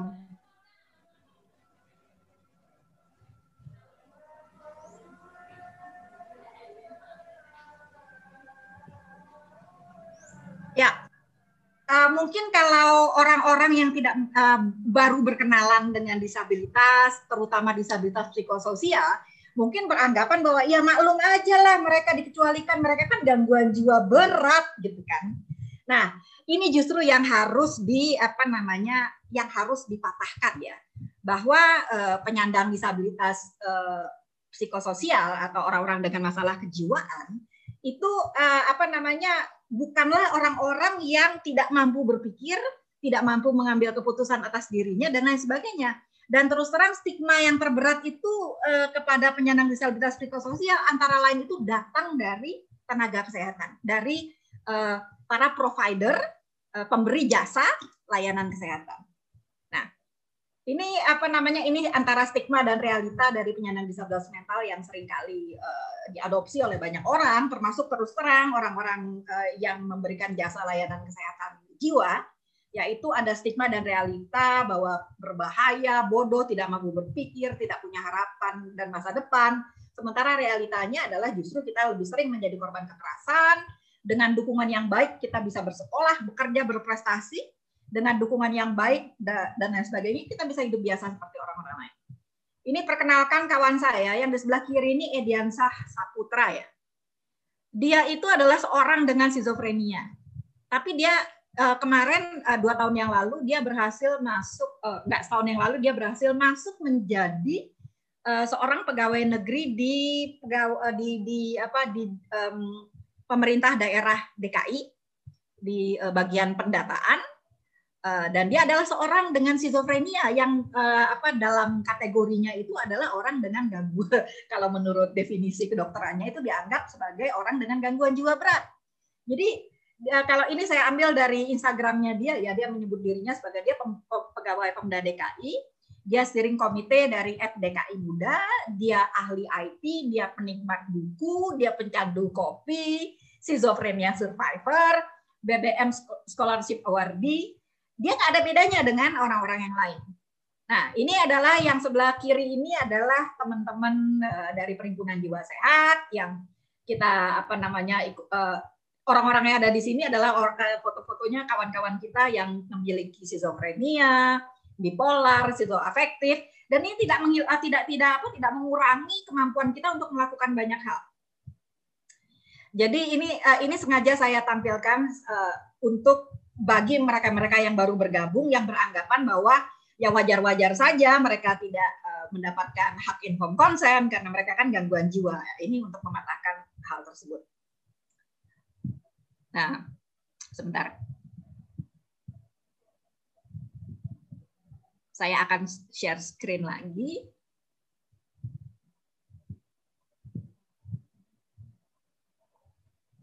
Yang tadi ini udah kelihatan ya? Halo? Sudah, ya, sudah, ya, Oke. Okay. Ya. Jadi apa namanya bahwa kemudian orang dengan gangguan mental berat seperti orang-orang dengan skizofrenia, bipolar itu terdikecualikan dari hak untuk apa menerima atau menolak sebagian atau seluruh pertolongan.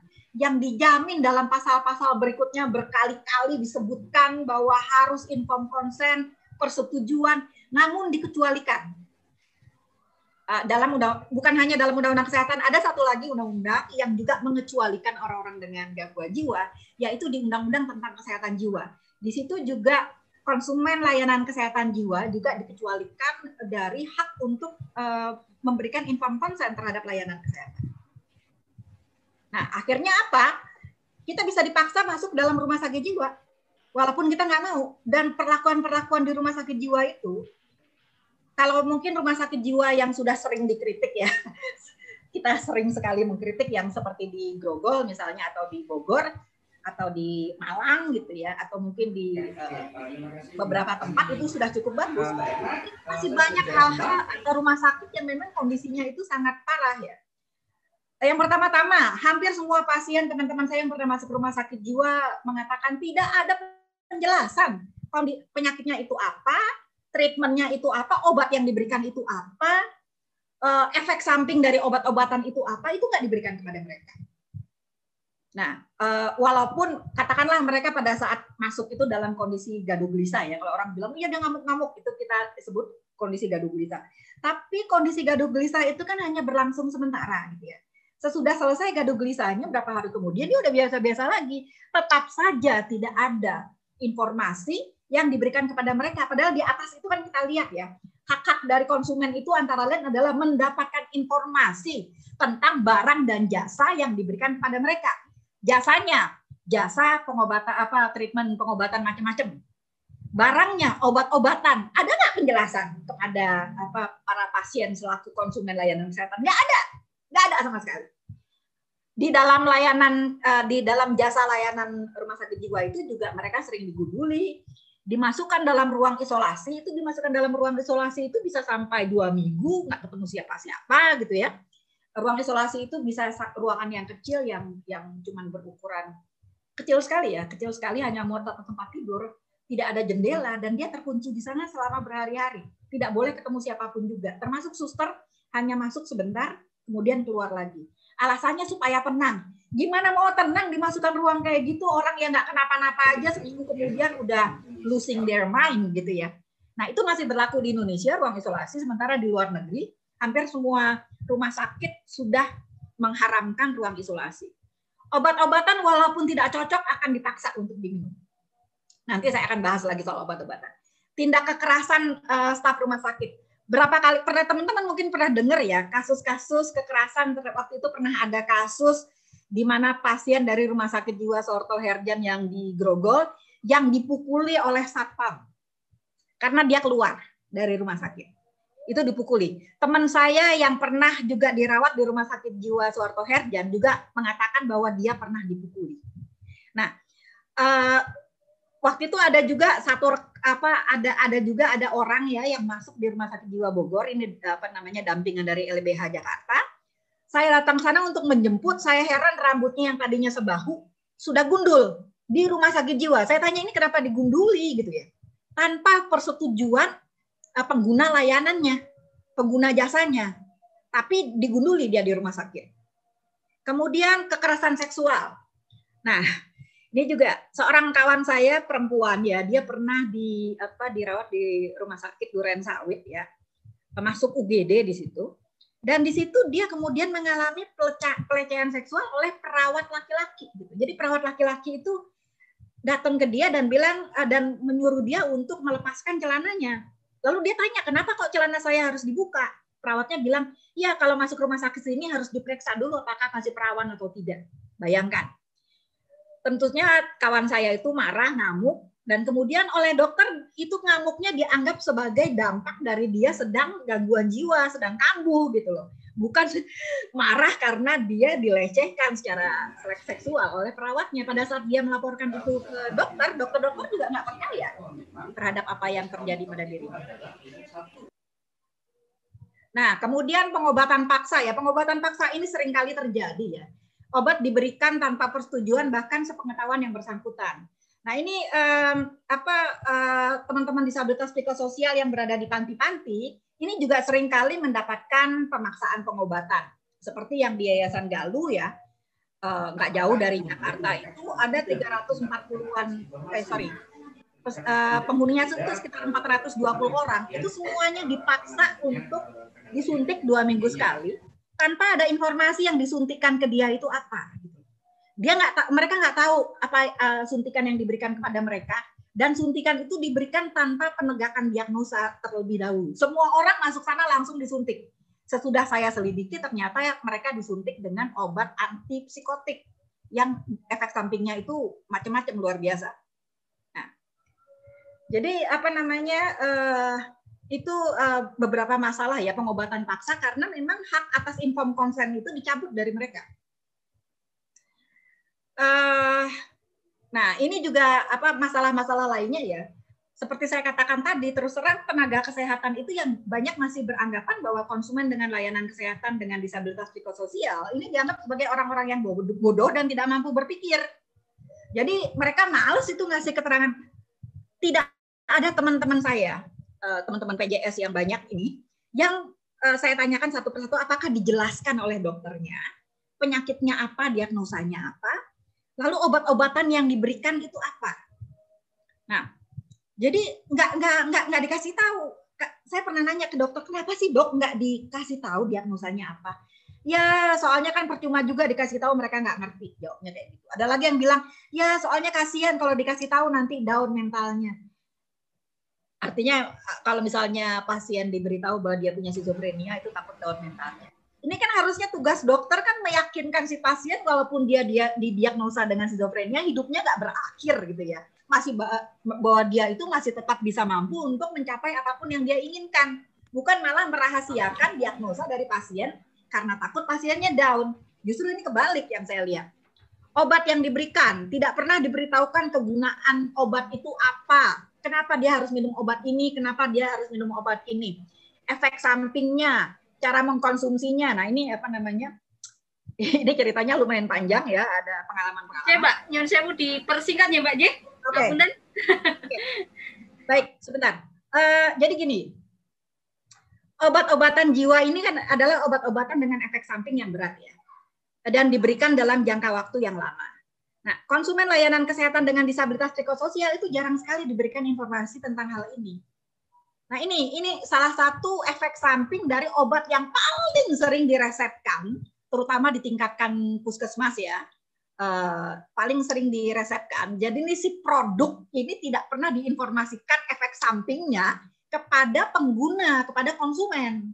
Padahal uh, ini obat yang namanya haloperidol ya. Ini obat yang yang yang uh, obat zaman dulu sebetulnya di luar negeri udah nggak digunakan nih obat-obatan tahun 1950-an tapi karena pemerintahnya maunya yang murah-murah aja ini yang paling sering diberikan kepada pasien. Efek sampingnya itu antara lain itu ini apa namanya uh, apa di antaranya tuh ini tangan gemeter gitu ya uh, tremor gitu. Terus uh, apa namanya badan uh, kaku kaku kaku badan orang-orang uh, yang badan badan badan kaku seperti robot lalu ini apa namanya lidahnya itu sering kali menjulur dan kaku juga sehingga pada saat berbicara itu menjadi cadel cadel lalu restless kemudian ada juga apa air liur mengucur terus mata mendelik ke atas pokoknya efek sampingnya itu sangat uh, apa namanya Eh, efek sampingnya itu mirip dengan Parkinson disease ya, dengan dengan penyakit Parkinson. Ini nggak dikasih tahu kepada pasien. Pokoknya makan aja nih obat, awas kalau nggak makan gitu ya. Di rumah sakit jiwa juga seperti itu. Seringkali haloperidol ini diresepkan tanpa memberitahukan efek sampingnya ke pasien. Pokoknya minum, harus minum, wajib diperiksa sama dok sama sama, sama uh, perawatnya. Kalau dia nggak mau minum, uh, bisa didatangkan ini kan apa namanya uh, satpam rumah sakit atau dimasukkan ruang isolasi sebagai bentuk hukuman. Satunya lagi, ini obat uh, adik saya jadi korban, saya sedih sekali soal ini. Obat-obatan antipsikotik itu ternyata memiliki uh, efek samping yang berat terhadap kardiovaskular disease. Jadi obat-obat antipsikotik itu uh, ini di, ini uh, dari ini saya ambil dari psikiatri, uh, psikiatriadvisor.com ya ini uh, obat-obatan psikiatri ini uh, directly link atau berhubungan secara langsung dengan efek-efek uh, vaskular misalnya uh, peningkatan uh, uh, peningkatan atau pengurangan tekanan darah, uh, risk untuk trombosis dan endothelial alteration. Jadi obat-obatan antipsikotik itu ternyata dan sekarang baru mulai dibahas itu meningkatkan resiko penyakit kardiovaskular atau penyakit jantung. Jadi memang orang-orang uh, dengan uh, disabilitas psikososial ini ya itu angka tingkat apa namanya uh, tingkat mortalitasnya itu dua kali lipat daripada teman-teman yang lain. Lebih tinggi dua kali lipat daripada teman-teman yang lain. Jadi memang banyak sekali teman-teman PJS termasuk adik saya yang sudah meninggal gitu. Nah adik saya meninggal karena serangan jantung. Adik saya itu skizofrenia dan kemudian uh, diberikan suntikan risperidon, risperdal, eh, konsta ya yang disuntikan dua minggu sekali. Dokternya nggak cerita sama sekali bahwa itu obat sebetulnya memiliki resiko kardiovaskular. Sehingga adik saya tuh nggak saya bawa untuk memeriksakan kondisi jantung dan sebagainya. Nggak ada informasi tersebut. Akhirnya tahu-tahu adik saya lagi lagi kumpul dengan teman-temannya serangan jantung dan meninggal langsung di tempat. Begitu saya periksa-periksa, masya Allah, kenapa si dokter itu nggak bilang bahwa obat antipsikotik itu meningkatkan uh, resiko kardiovaskular. Kalau saya tahu kan mungkin adik saya masih hidup pada saat ini karena saya pasti akan saya ajak untuk periksa kesehatan jantung. Tapi ini tidak.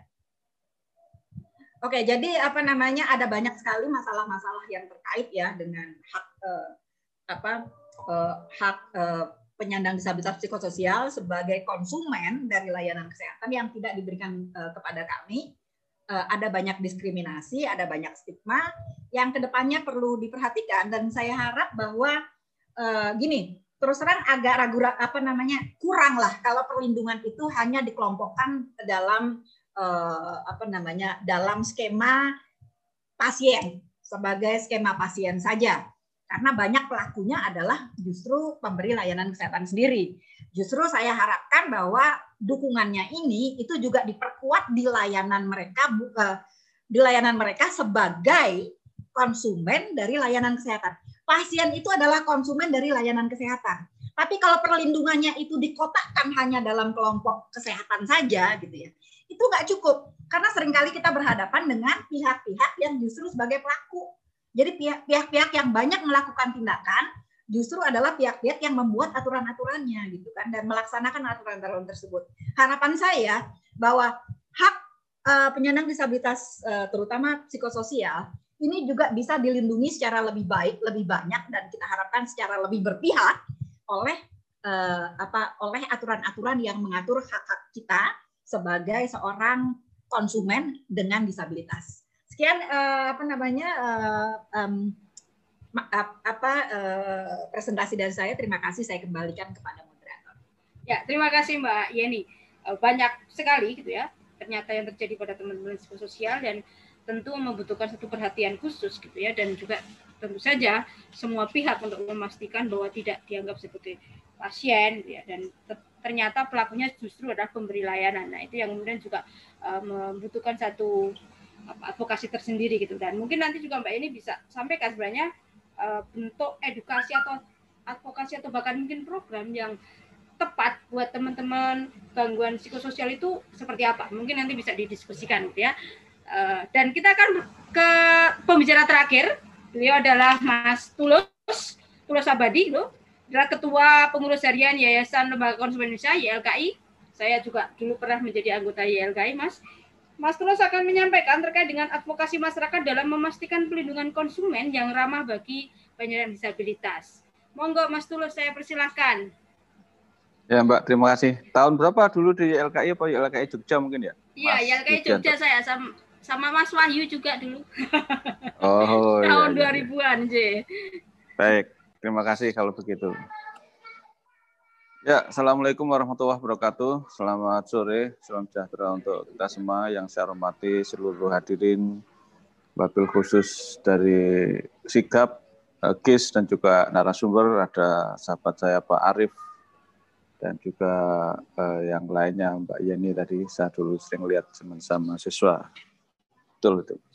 Ya, silakan saya dibantu untuk paparan, tapi judulnya saya sedikit saya adaptasi bagaimana eh, apa namanya pelindungan konsumen difabel dalam konteks pelayanan publik ya karena sebenarnya eh, teman-teman difabel ini lebih banyak bersentuhan dengan sektor jasa dan juga pelayanan publik.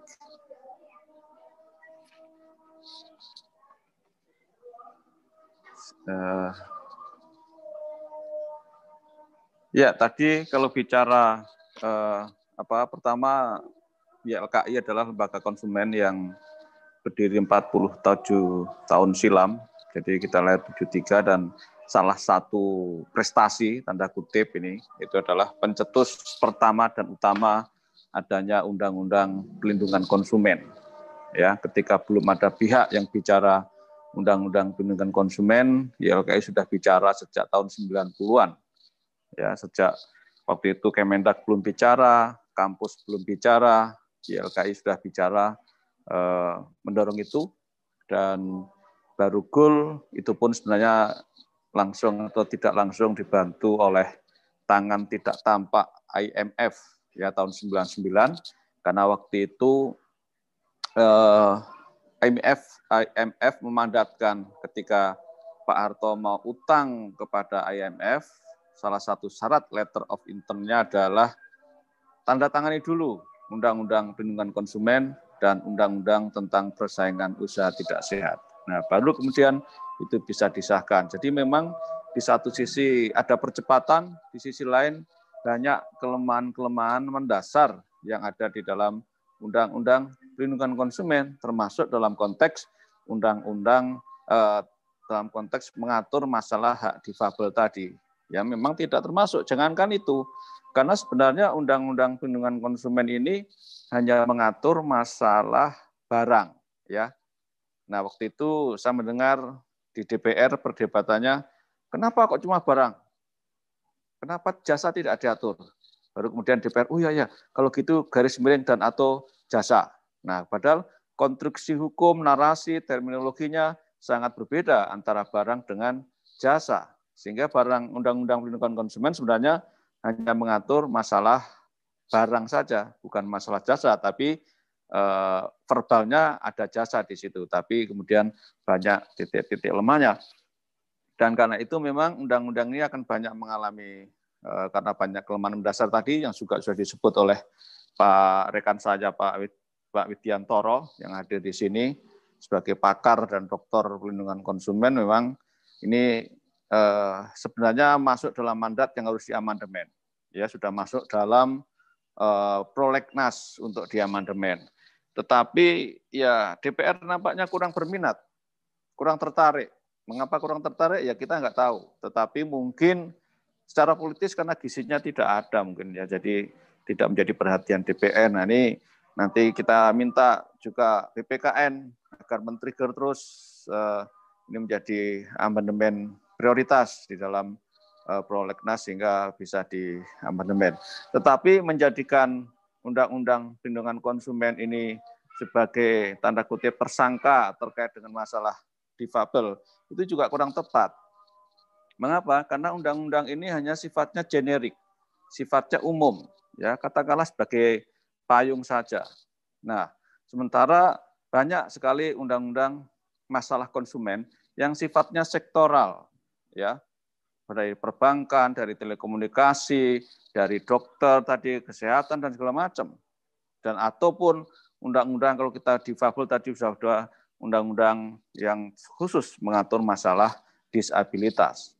Jadi sebenarnya kalau mau memperkuat regulasinya, atau memperkuat dalam konteks instrumen hukumnya, ya betul kita perlu mengamandemen di dalam undang-undang perlindungan konsumen, tapi jangan menjadi hal yang utama. Justru yang harus utama adalah memperkuat di dalam undang-undang disabilitas dan ataupun di undang-undang sektoral lainnya. Ya, karena undang-undang sektoral lain dalam konteks ini sebagai lex spesialis. Nah, kalau secara operasional dalam prinsip hukum yang berlaku adalah lex spesialis ya sehingga kalau nanti diperkuat UPK-nya tapi lex spesialis lex spesialisnya mengatur lain bisa menjadi masalah ya dan kalau kita lihat di banyak negara termasuk di Amerika itu tidak punya undang-undang perlindungan konsumen.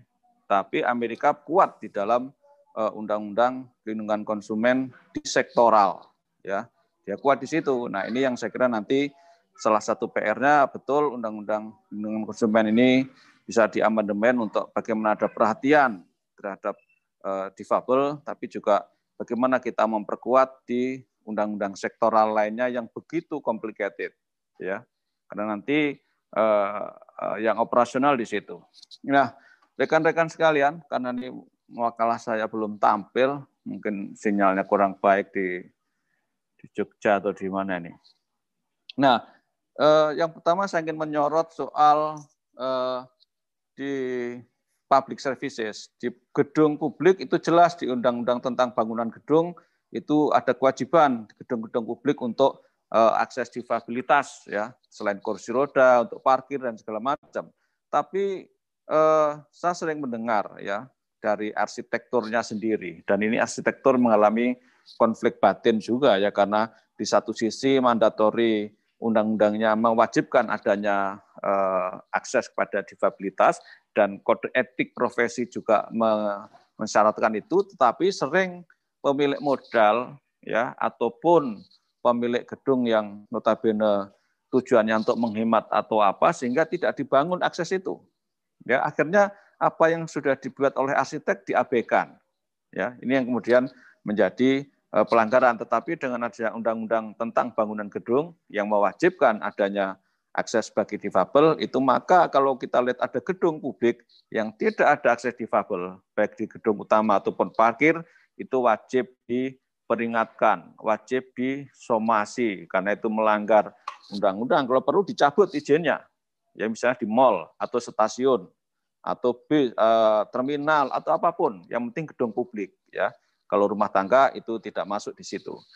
Nah kemudian eh, di toilet ya kami sering menjadi dewan juri toilet bandara misalnya ya. Di toilet itu memang di toilet-toilet umum yang sudah akomodatif, di, di toilet bandara yang sudah mengakomodir adanya uh, uh, toilet untuk difabel ya. Walaupun secara formal sudah ada semuanya di stasiun atau kemarin saya baru kunjungan uh, to, uh, toilet di rest area rest area yang sangat bagus di di ruas tol Semarang Solo ya karena kebetulan saya juga dewan juri di situ saya cek untuk untuk akses difabelnya seperti apa toiletnya ya. Ternyata ya secara formal ada tetapi belum memenuhi syarat yang menurut saya syarat ideal. Misalnya belum ada alarm di dalamnya terus pintunya masih pintu buka tutup belum ada tombol otomatis dan segala macam. Nah itulah kemudian saya kasih masukan ke manajemen di situ ini belum memenuhi standar ideal. Betul sudah ada toilet difabel, tapi Bapak belum menggunakan standar ideal. Karena itu harus diperbaiki. Gitu. Nah, yang sudah ada seperti itu, eh, setahu saya baru di bandara dan juga di stasiun-stasiun tertentu. Memang ya kalau itu perlu eh, tadi eh, alat-alat khusus dan segala macam. Tapi itulah bahwa pelayanan itu harus inklusif. Kemudian di kereta api atau di sektor transportasi publik. Yang saya amati di sektor transportasi publik itu yang sudah ramah terhadap difabel, eh, itu eh, ramah dalam arti untuk ukuran Indonesia, itu di komuter lain. ya Itu jauh lebih ramah. ya Karena apa namanya di stasiunnya, di kabinnya, juga di petunjuk-petunjuknya, tetapi tentu belum standar ideal. Nah, kami juga pernah menerima keluhan dan sampai sekarang belum ada solusinya. Untuk kereta jarak jauh, ya itu kursi, pengguna kursi roda itu belum bisa ke toilet. Mengapa? Karena toiletnya tidak ramah terhadap difabel. Ya, dan kami sudah juga berikan masukan itu kepada direksi PT Kereta Api untuk bagaimana mereview eh, toilet di kereta antar kota atau kereta jarak jauh. Karena akhirnya pengguna kursi roda ini Eh, selama 9 jam misalnya dari eh, Jakarta ke Jogja, dia harus mengurangi minum. Bahkan kalau perlu tidak minum. Karena apa? Karena takut nanti kencing dan kemudian tidak bisa ke toilet. Nah, ini yang saya kira eh, hal-hal begini harus kita advokasi. Dan di LKI juga pernah menerima pengaduan konsumen difabel dari perbankan. Ya, waktu itu ceritanya lucu ya, tanda kutip lucu. Karena ada ada satu bank promosi di radio bahwa siapa yang bisa menebak kuis ini akan mendapatkan uh, pembukaan rekening gratis, saldo gratis. Nah, akhirnya adalah konsumen yang bisa nebak. Nah, ternyata konsumen itu adalah konsumen tunanetra. Nah, tapi kemudian ketika dia datang ke kantor bank terdekat, karena syaratnya harus seperti itu, ditolak oleh kantor bank tersebut. Alasannya apa? Bapak tunanetra. Kalau tunanetra, harus didampingi eh, kuasanya, keluarganya, atau disahkan oleh pengadilan. Kenapa? Karena tunanetra dianggap tidak cakap hukum. Nah, itu yang kemudian waktu itu kami komplain karena menerima konsumen pengadilan itu kami komplain waktu itu belum ada OJK untuk uh, perjanjiannya diperbaiki dan itu bisa masuk dalam uh, sebagai konsumen uh, sebagaimana konsumen yang uh, seperti biasanya. Nah, ini juga perlu intervensi OJK adalah hal ini. Nah, karena itu Bapak Ibu sekalian, eh, saya simpulkan bahwa kalau kita bicara hak hak difabel sebagai konsumen, baik itu jasa ataupun barang ataupun sebagai pengguna pelayanan publik, secara regulasi sudah cukup baik menurut saya ya, sejauh pengamatan saya yang awam dalam per eh, difabelan ini. Tapi dalam implementasi ini yang harus kita bongkar bersama-sama. Ya, dan kedua, dalam konteks regulasi, kalau kita ingin menjadikan revitalisasi dalam regulasi-regulasi yang ada, tentu saja itu harus kita advokasi di semua sektor eh, undang-undang, ya khususnya undang-undang tentang disabilitas itu dan undang-undang sektoral, ya termasuk juga undang-undang perlindungan konsumen. Karena tadi saya katakan undang-undang ini perlu diamandemen, bagaimana kita bersama-sama memasukkan terminologi disabilitas atau difabilitas di dalam undang-undang pelindungan konsumen ini. Tetapi kalau saya sarankan kita memperkuat dalam undang-undang sektoral, ya terutama undang disabilitas dan undang-undang sektoral lain karena di dalam uh, ranah hukum kan berlaku uh, lex specialis, lex specialis, sudah kata lagi generali. Nah, ini yang harus kita uh, perhatikan dalam hal ini. Dan juga secara ideologi, walaupun tadi sudah dibahas oleh narasumber pertama dan juga narasumber sebelumnya, tentang terminologi apakah itu disabilitas atau difabilitas. Kalau saya sendiri eh, eh, eh, apa lebih setuju dengan konteks pembongkaran atau dekonstruksi terhadap terminologi itu, saya lebih mengusung isu difabilitas. Ya, karena disabilitas kan memang dari kata disability, ketidakmampuan. Jadi dianggap orang yang tidak mampu, eh, orang yang eh, dengan ketidakmampuan itu. Sehingga di ranah Inggris pun atau eh, dunia global pun ini juga harus kita advokasi agar disabilitas atau disability ketidakmampuan kita ganti menjadi disability, different ability ya. Hanya perbedaan yang membuat kita tidak mampu. Ini yang saat dulu waktu itu saya diskusi dan juga dalam buku-bukunya eh, Dr. Mansur Fakih ya saya kira teman-teman eh, kenal semua kepada beliau. Jadi ini soal ideologi, soal keberpihakan kita terhadap eh, eh, keberbedaan kemampuan. Jadi yang membuat tidak mampu atau membuat eh, hanya masalah keberbedaan tidak mampuan, yaitu infrastruktur infrastruktur yang tidak mendukung untuk itu. Ya, jadi Bapak Ibu sekalian, eh, itu yang bisa saya sampaikan. Terima kasih atas undangan ini. Eh, mohon maaf kalau ada kekurangan, tetapi ini menjadi perhatian YLKI jelas sejak YLKI berdiri sampai sekarang, baik pada ranah regulasi, ranah empiris, ataupun eh, kebijakan-kebijakan yang lainnya. Demikian kurang lebihnya mohon maaf. Terima kasih. Wassalamualaikum warahmatullahi wabarakatuh. Selamat sore. Salam sehat selalu. Ya, Waalaikumsalam warahmatullahi wabarakatuh. Uh, Mas Tulus, terima kasih atas paparannya. Mungkin juga beberapa hal mungkin nanti bisa dijawab di sesi habis ini gitu ya. Berkaitan dengan mungkin uh, YLKI menerima beberapa pengaduan gitu ya terkait dengan pelanggaran hak konsumen. Nah, apakah dalam formulir tadi sama pertanyaan dengan Pak Pak Arief Eh, apakah dalam formulir juga sudah memungkinkan adanya apa namanya teman-teman disabilitas gitu ya. Beberapa pertanyaan ataupun juga sudah memenuhi sebenarnya kebutuhan apa yang dibutuhkan oleh teman-teman disabilitas. Apakah dalam formulir di pengaduan di YLKI sudah memuat itu? Mungkin nanti bisa uh, dijawab di sesi setelah ini.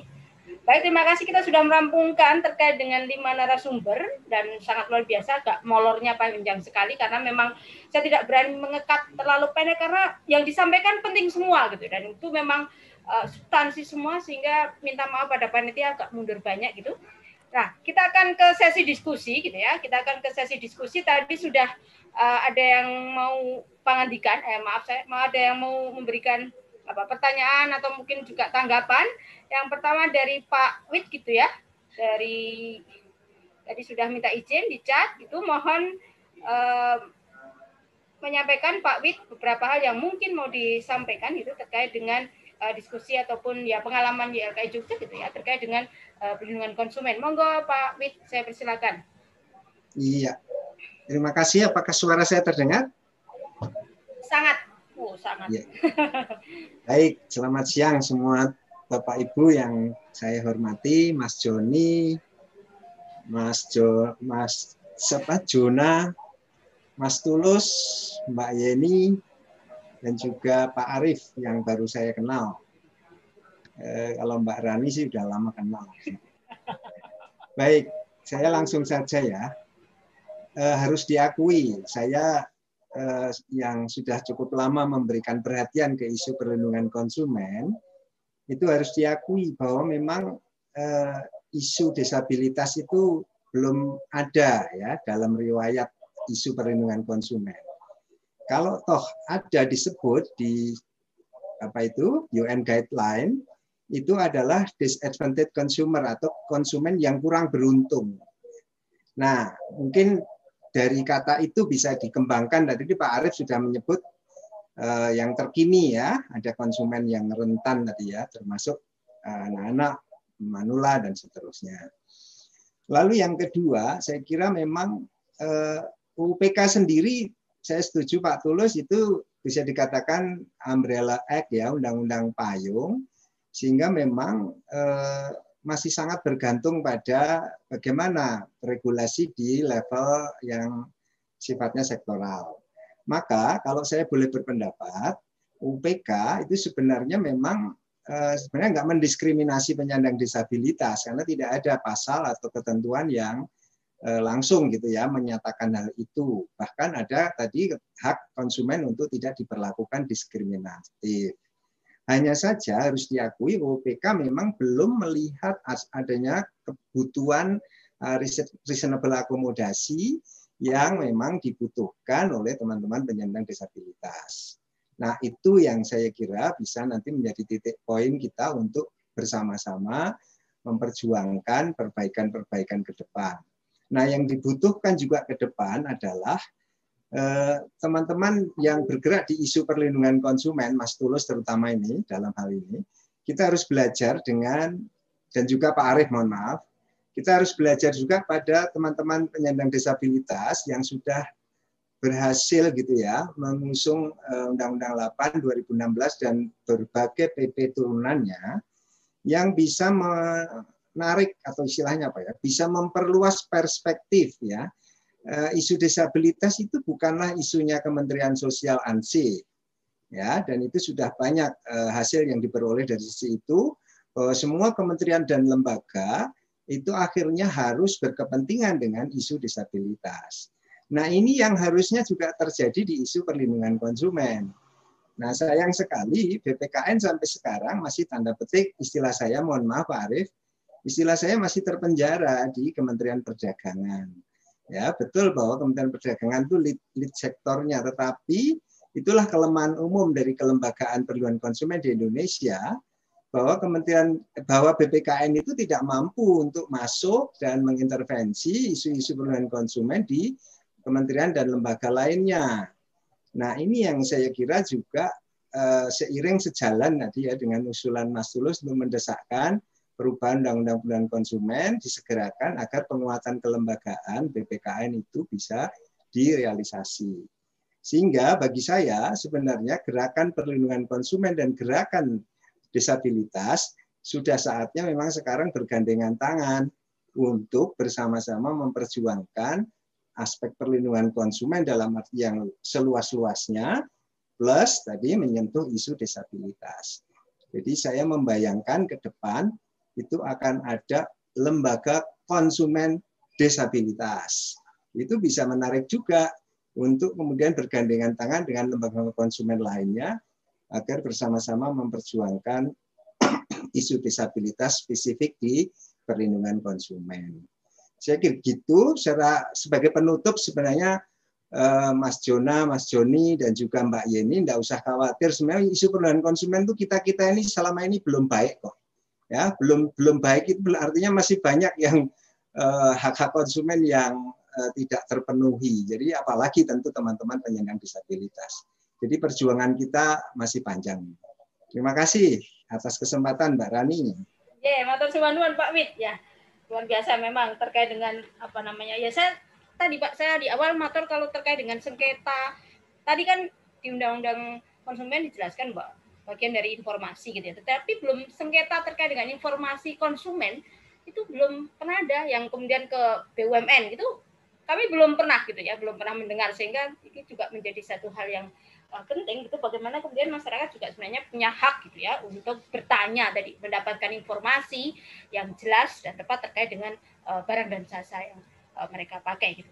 Baik mungkin ada kawan lain di yang akan menyampaikan terkait dengan uh, beberapa hal atau maupun menanggapi, monggo saya persilahkan.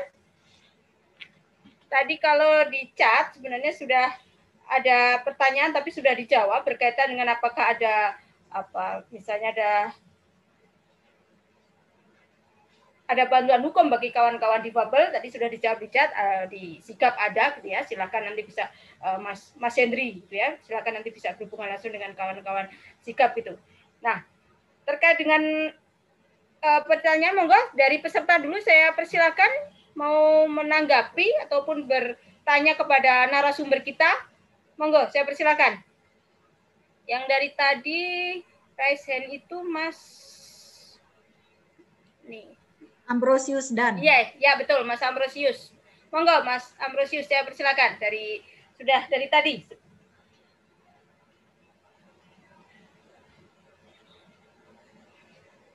Monggo, saya persilakan Mas Ambrosius.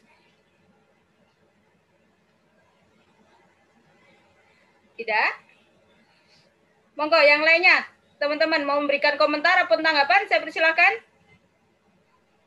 Um, kalau misalnya nggak ada, saya mau menanyakan nih kepada Mas Tulus atau kepada yang lain ya.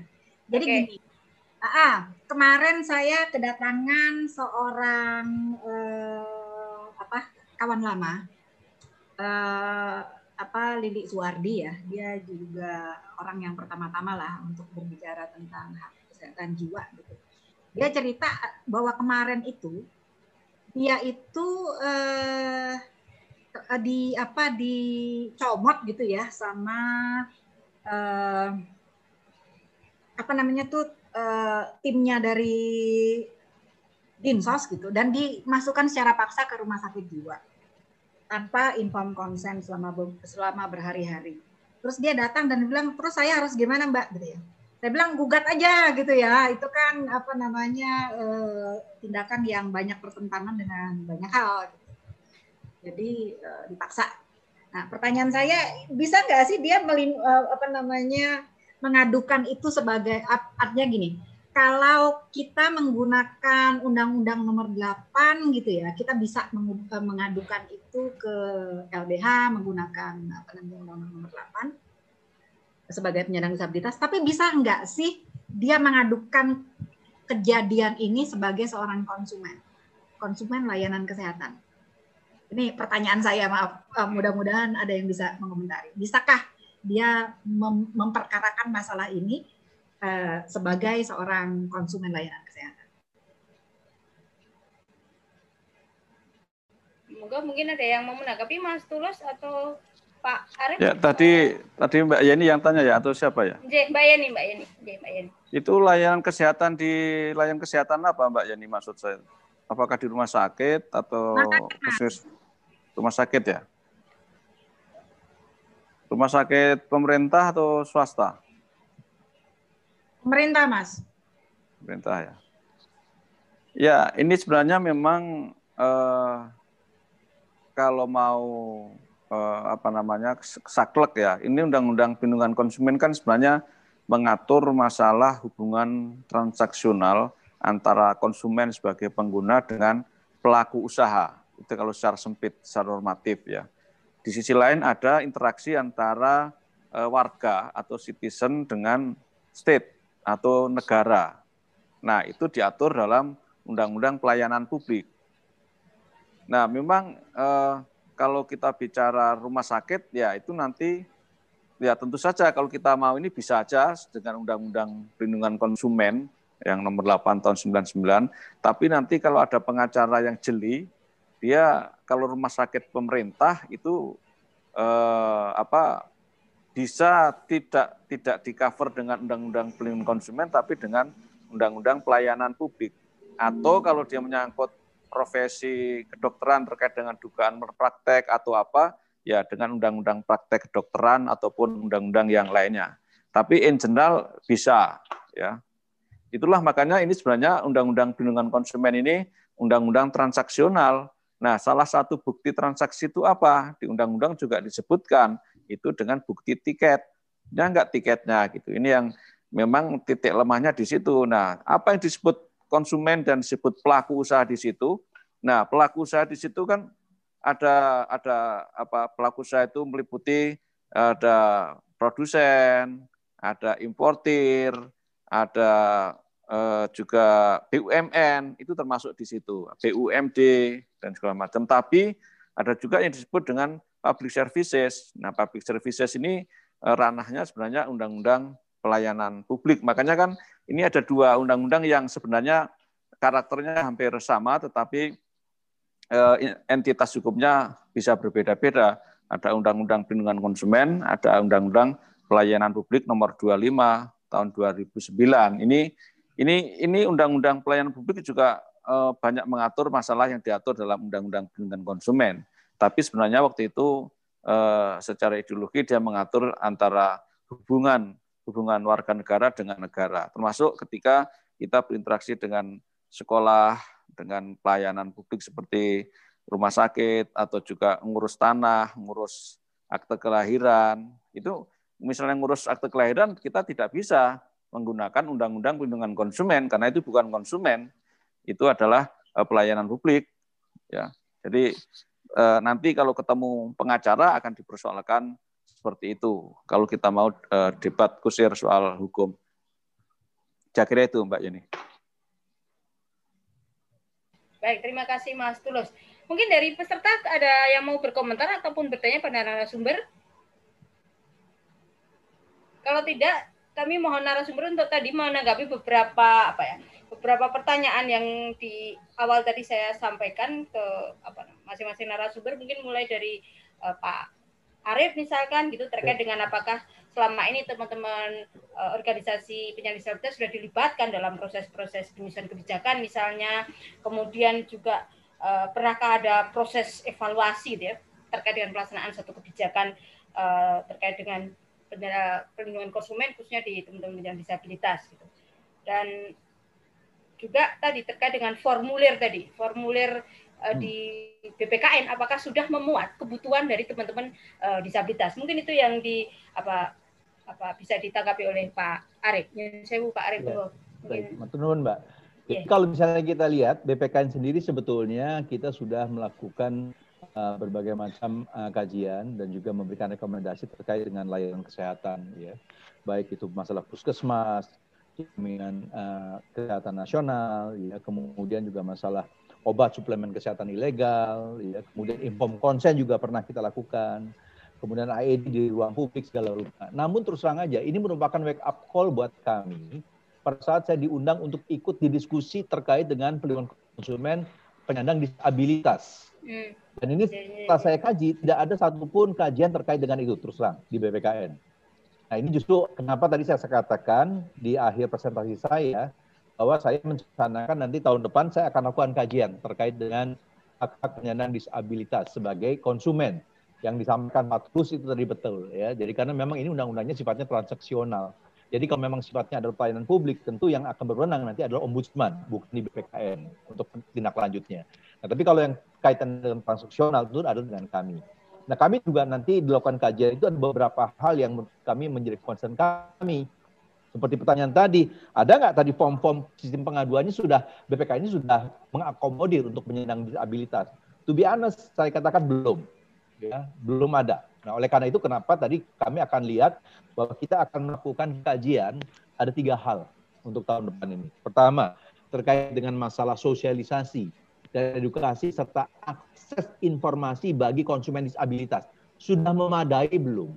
Ya, aturannya betul ya Pak Tulus sudah ada, tapi apakah prakteknya sudah dilaksanakan? Pengawasan sudah dilaksanakan oleh pemerintah untuk menjalankan tersebut. Itu yang saya rasa perlu dikaji lebih lanjut. Kemudian juga masalah penyediaan aksesibilitas, prioritas pelayanan, fasilitas pelayanan yang ramah disabilitas khususnya di pelayanan publik. Ini kita mau kaji ulang ini seperti apa ya. Dan terakhir yang kaitannya dengan pertanyaan tadi, penyediaan layanan pengaduan yang ramah konsumen disabilitas dari mulai formnya, tata cara mekanismenya segala rupa, apalagi dengan kondisi pandemi COVID seperti sekarang ini. Nah ini yang perlu akan kita kaji lebih dalam dan mudah-mudahan nanti tahun depan kita akan lakukan kajiannya sehingga nanti kita bisa merumuskan rekomendasi yang lebih lebih jelas bentuknya kepada pihak pemerintah agar hak hak penyandang disabilitas ke depan bisa dilaksanakan dengan lebih baik.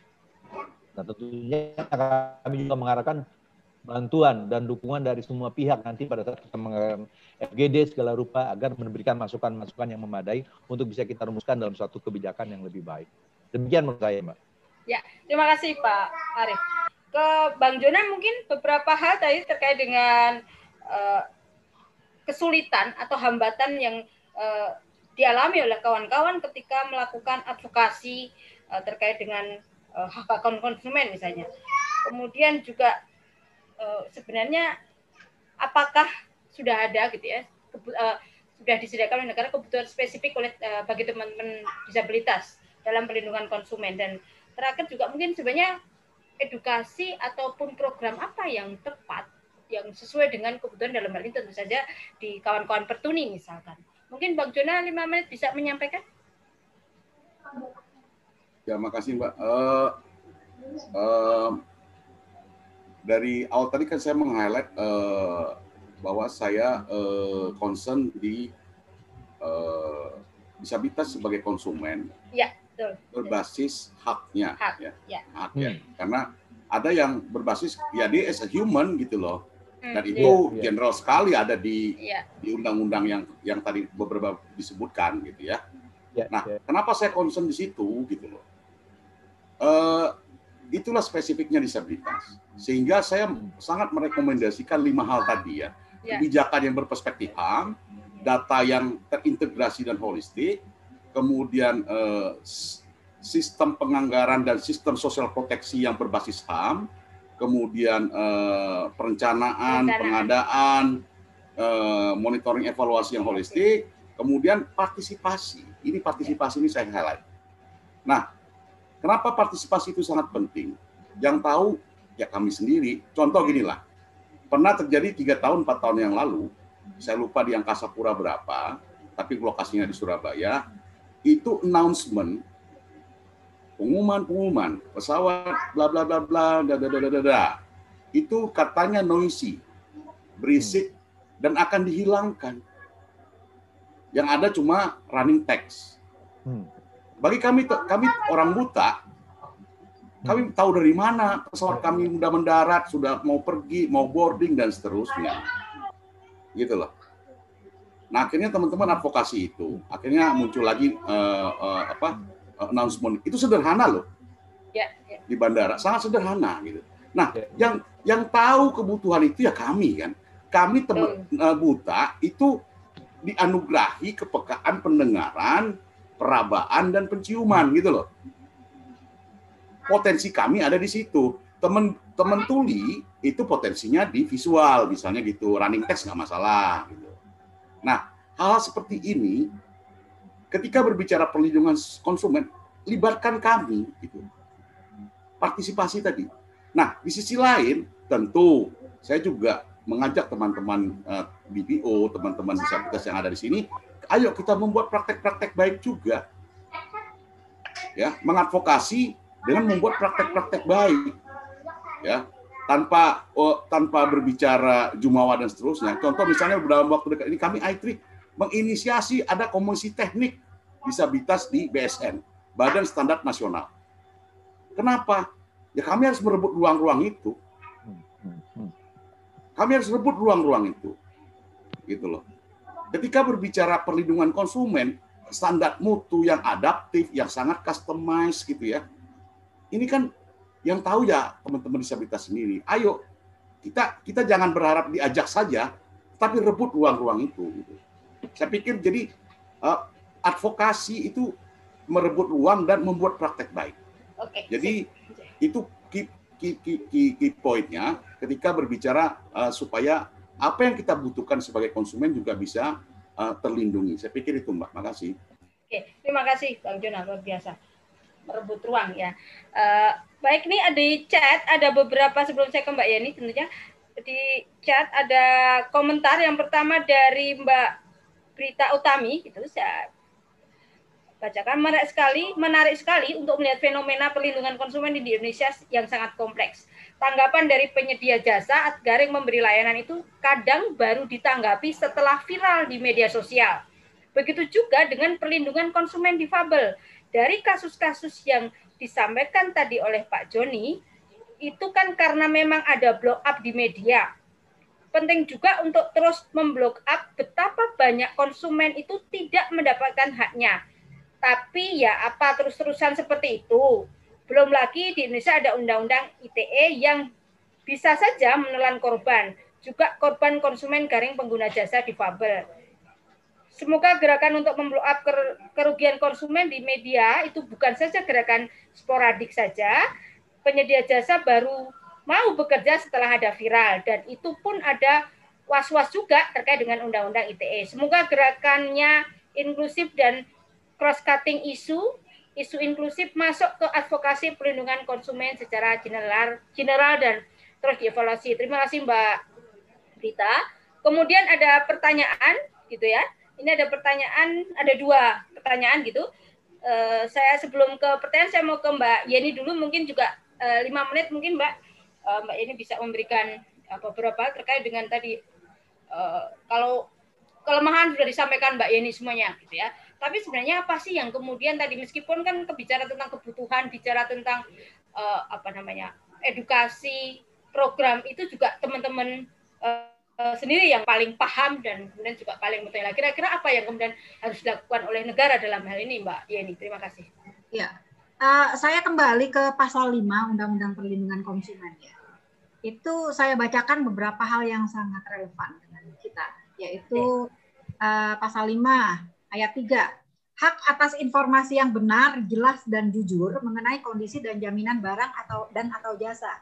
Tadi kan saya sudah ungkapkan ya, hampir semua kita itu nggak dikasih penjelasan apa pun juga tentang tindakan uh, dan obat-obatan yang diberikan kepada kita. Efek sampingnya apa yeah. uh, uh, apa namanya uh, apa yang harus kita perhatikan gitu ya bahwa ini ternyata adalah untuk anti Parkinsonnya gitu karena obatnya sangat bisa menimbulkan Parkinson. Itu kita nggak mendapatkan informasi tentang hal tersebut uh, juga hak untuk uh, didengar pendapat dan keluhan atas barang dan atau jasa yang digunakan. Ya. Jadi uh, ini yang ini ayat empatnya. Jadi ayat tiga hak atas informasi yang benar, jelas dan jujur mengenai kondisi dan jaminan barang dan atau jasa di hak hak konsumen di Undang-Undang Perlindungan Konsumen. Ini tidak pernah kita dapatkan. Gimana caranya supaya ini bisa menjadi program di mana kita bisa mendapatkan hal ini. Kemudian ayat empatnya, hak untuk didengar pendapat dan keluhannya atas barang dan atau jasa yang digunakan. Orang dengan disabilitas psikososial itu kan kebanyakan nggak dianggap sebagai orang yang bisa berpikir ya. ya. Jadi pendapat keluhan atas barang dan jasa yang digunakan, termasuk obat-obatan yang diberikan, itu nggak pernah ditanggapi dengan serius. Di apa namanya uh, ini bagaimana supaya ini bisa didengarkan. Uh, jadi mudah-mudahan ada dari uh, apa dari perlindungan konsumen ini juga ada um, tempat di mana kita bisa melaporkan ya hal seperti ini. Kemudian hak untuk mendapatkan pembinaan dan pendidikan konsumen. Seperti saya tadi sebutkan tadi, khusus tentang konsumen layanan posisi antara si pemberi layanan atau si pemberi jasa dengan konsumen itu jomplang banget. Si pemberi jasanya yaitu dokter dan para pemberi layanan tentu merasa dirinya paling tahu, paling hebat segala macam. Sementara konsumen apalagi penyandang disabilitas mental sangat ini sangat lemah posisinya. Nah, bisa nggak apa namanya kita sih melakukan ini ya untuk teman-teman kita. melakukan pendidikan. Mereka sebagai orang dengan kita uh, uh, melakukan pendidikan ini secara intensif sehingga kalau kawan-kawan sudah berani. Tapi kan konsumen yang merupakan orang dengan disabilitas psikososial ini kan ada banyak jadi mudah-mudahan ada pembinaan dan pendidikan konsumen terkait dengan hal ini. Uh, jadi saya apa untuk beberapa poin yang ada, yang ada di Undang-Undang Perlindungan Konsumen saja ini belum dilaksanakan dengan baik terkait dengan penyandang disabilitas psikososial ya. Nah, minimal yang 3, 4 dan 6 ini bisa dilaksanakan dengan baik. Berikutnya yang kita harapkan tentunya tadi saya sepakat dengan um, dengan uh, pembicara Mas siapa tadi ya terakhir bicara ya saya lupa. Um, itu uh, betul ya bahwa uh, harapannya memang ada uh, ada keluasan uh, diskursus ya tentang konsumen dan hak hak konsumen sehingga uh, konsumen dengan disabilitas termasuk hal ini disabilitas psikososial itu juga bisa masuk dan terlindungi di dalamnya. Jadi uh, apa namanya, kalaupun misalnya hak, sementara konsumen di beberapa undang-undang lain yang terkait ya uh, uh, sektoral misalnya belum ter, terlalu terlindungi, namun di apa di hak, konsumen itu terlindungi kita bisa masuk ke situ. Itu aja dari saya. Terima kasih. Ya, terima kasih Mbak Yeni. Ya, melaksanakan itu dulu gitu ya Mbak ya. sebelum ya. kita meminta yang lain. Oke. Okay. Yang ya, ada saya, dulu di undang-undang. Yang ada dulu dilakukan. ya, ya, saya mau anu membacakan pertanyaan dari Mas Sismat Tanto gitu. Apakah ada jaminan keamanan kesehatan untuk vaksin COVID-19 nanti bagi difabel? Karena dulu saya lahir normal, saya kena polio justru karena disuntik imunisasi semua teman tunadaksa yang saya temui punya pengalaman yang sama bahwa mereka kena polio justru setelah disuntik. Mungkin ada yang bisa memberi kom, uh, komentar ya terkait dengan vaksin ini. Kalau saya secara pribadi saya kami dari Komisi Informasi baru mau mendapatkan sosialisasi itu dari KI Pusat besok hari Senin Mas. Jadi kalau saya belum bisa Monggo yang lain mungkin ada yang bisa memberikan informasi terkait dengan pertanyaan dari Mas Sis Martanto. Baik, Mbak Rani, okay. barangkali sharing aja. Oke, siap, monggo, Pak. Memang kami sendiri BPKN melakukan kajian mengenai hal ini, gitu ya. Dan kami sudah memberikan rekomendasinya di bulan November lalu kepada pemerintah, kepada Kementerian Kesehatan terkait dengan keamanan masalah vaksin ini. Sekarang ini kan memang sedang dilakukan uji tahap tiga, uji klinis tahap tiga, uji efikasi terhadap uh, vaksin Sinovac gitu ya. Apakah betul vaksin tersebut memang efektif ya dan juga yang perlu ditekankan adalah apakah aman bagi pasien. Gitu. Nah, hasil uji efikasi ini, inilah yang akan dikaji oleh Badan POM, kemudian akan keluar oleh Badan POM emergency of authorization. Jadi penggunaan uh, dari vaksin secara uh, darurat gitu ya. Ini yang keharapan kita kalau sudah keluar namanya emergency use of authorization-nya dari Badan POM, itu betul-betul vaksin itu harus sudah aman bagi konsumen termasuk tadi yang pengalaman betul yang di, di, disampaikan oleh Pak Tanto tadi bahwa ini mungkin pernah dulu kejadian itu kan yang masalah polio segala rupa. Jangan sampai hal ini pun berulang kembali gitu. Dan tentunya juga nanti dari kita dari vaksin juga karena kebanyakan adalah muslim, tentu juga perlu dikaji oleh pihak MUI apakah vaksin tersebut sudah dijamin mengenai kehalalannya ya. Jadi bukan masalah keamanan saja, dan juga juga dari segi kehalalannya apakah itu sudah halal atau tidak. Kalau memang itu masih dalam rangka darurat bisa saja dikeluarkan fatwa MUI fatwa mengenai kedaruratan. Tapi harus ada tanggung jawab badan bahwa itu mengatakan itu halal. Demikian, Mbak. Oke. Semua terima kasih Pak Arif atas informasi yang semoga berguna ya Mas Tanto ya terkait dengan informasi terkait dengan keamanan dari vaksin COVID-19. Uh, saya akan ke Mas Tulus gitu untuk beberapa mungkin yang apa tanggapan terakhir gitu terkait dengan beberapa yang uh, disampaikan tadi itu misalnya terkait dengan form di form pengaduan terutama di YLKI gitu apakah sudah memuat kebutuhan dari teman disabilitas gitu dan juga mungkin ada kendala apa yang selama ini dialami oleh kawan-kawan YLKI terkait dengan advokasi di teman-teman disabilitas. Monggo, Mas Tulus. Ya, terima kasih eh, Mbak. Sejauh ini belum ada keluhan soal tunanetra atau disabilitas yang belum bisa mengadu ke YLKI tapi kalau ada yang mengadu, kita dampingi. Dan pengaduan memang kita uh, lebih banyak secara online saat ini, apalagi selama masa pandemi. Tapi nanti kalau ada apa ini masukan bagus, tapi saya kira saya kira ini lebih punya tanggung jawab institusional ini harus BPKN dulu sebagai lembaga negara karena YLKI kan LSM ini belum harus carikan fundingnya dulu untuk untuk mendesain apa mendesain uh, yang ini ya. Dan kedua uh, terkait tadi banyaknya kasus-kasus yang viral karena di medsos, ya ini juga harus kita warning hati-hati ya. Kita boleh memviralkan kalau ini yang selalu kita bilang kepada konsumen, kalau kita mau mengadukan dan mau memviralkan, pertama apakah itu hoax atau bukan. Kedua, apakah sudah komunikasi dengan pelaku usaha atau belum. Kalau belum, kita akan wajibkan untuk pelaku usaha dulu. Jadi misalnya ada konsumen mengadu ke YLKI terkait listrik. Kita bilang, sudah ke PLN belum? Belum. Ya, PLN dulu. Gitu. Jadi ketika memviralkan harus betul-betul firm dan jangan tujuan untuk eh, apa apa melakukan hukuman-hukuman yang di luar batas maksimum dari eh, Undang-Undang Perlindungan Konsumen itu karena di dalam undang-undang perlindungan konsumen kan itu diatur masalah ganti rugi. Nah, ganti ruginya bisa material atau imaterial. Nah, tapi kalau imaterialnya tidak tidak rasional ini yang sering kemudian menjadi uh, kontraproduktif dan ancamannya selain ITE juga kadang-kadang digugat balik. Nah ini yang penting harus punya bukti kuat ya bahwa itu memang eh, faktual terjadi, sudah komunikasi dengan pelaku usaha tapi tidak mendapatkan tanggapan yang memadai, baru bisa disampaikan ke pihak-pihak lainnya, apakah ke LKI atau ke BPKN atau ke media mainstream atau ke media sosial.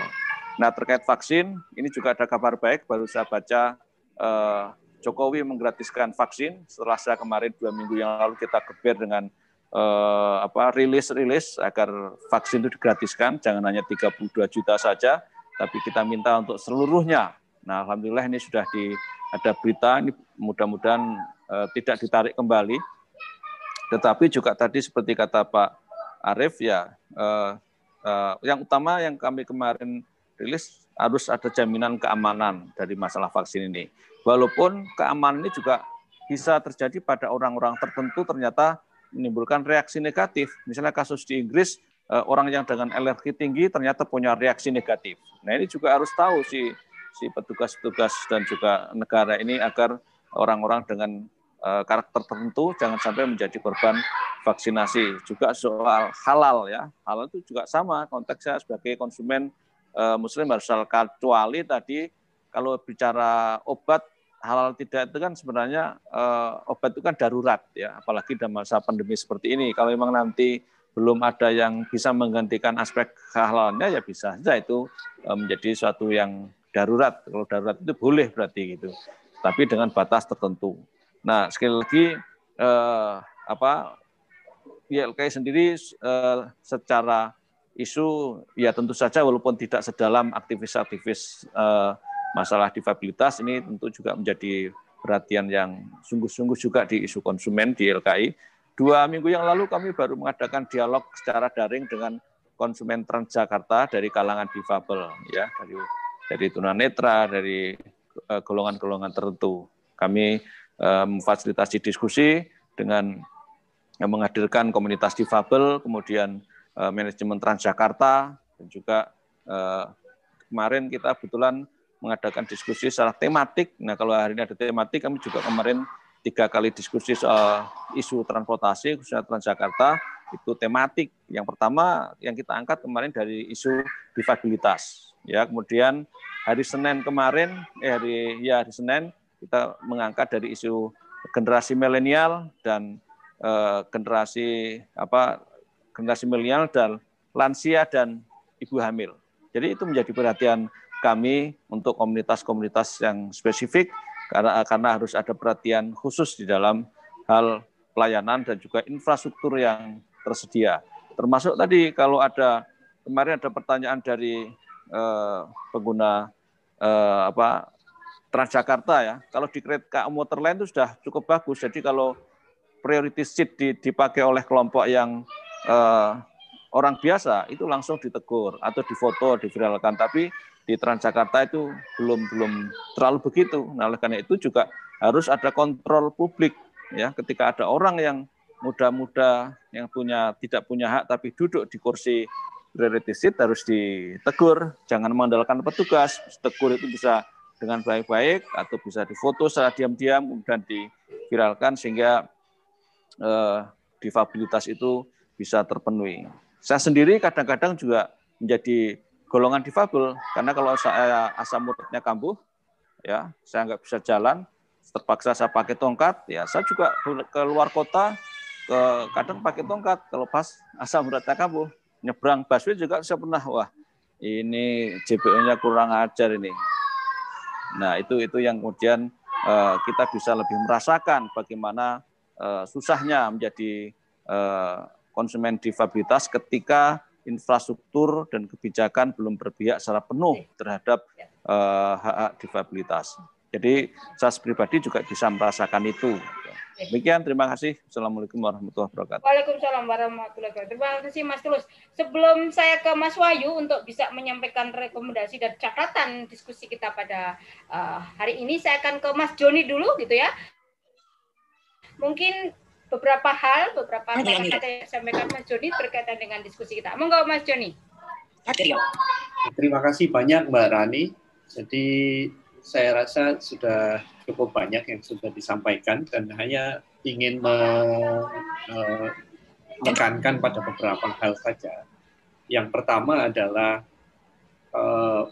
bahwa terlepas dari apa namanya undang-undang PK ini merupakan umbrella law terkait perlindungan konsumen, tetapi uh, saya rasa seperti yang disampaikan Pak Wid, kemudian uh, yang saya juga sampaikan tekankan di awal bahwa ketika kita uh, memahami bahwa konsep perlindungan konsumen ini adalah untuk memastikan bahwa uh, siapa pun sebagai konsumen itu memperoleh apa uh, informasi yang adil, uh, layanan yang setara dan seterusnya itu perlu kita ingat bahwa konsumen berada pada posisi yang tidak equal uh, dengan pelaku usaha begitu.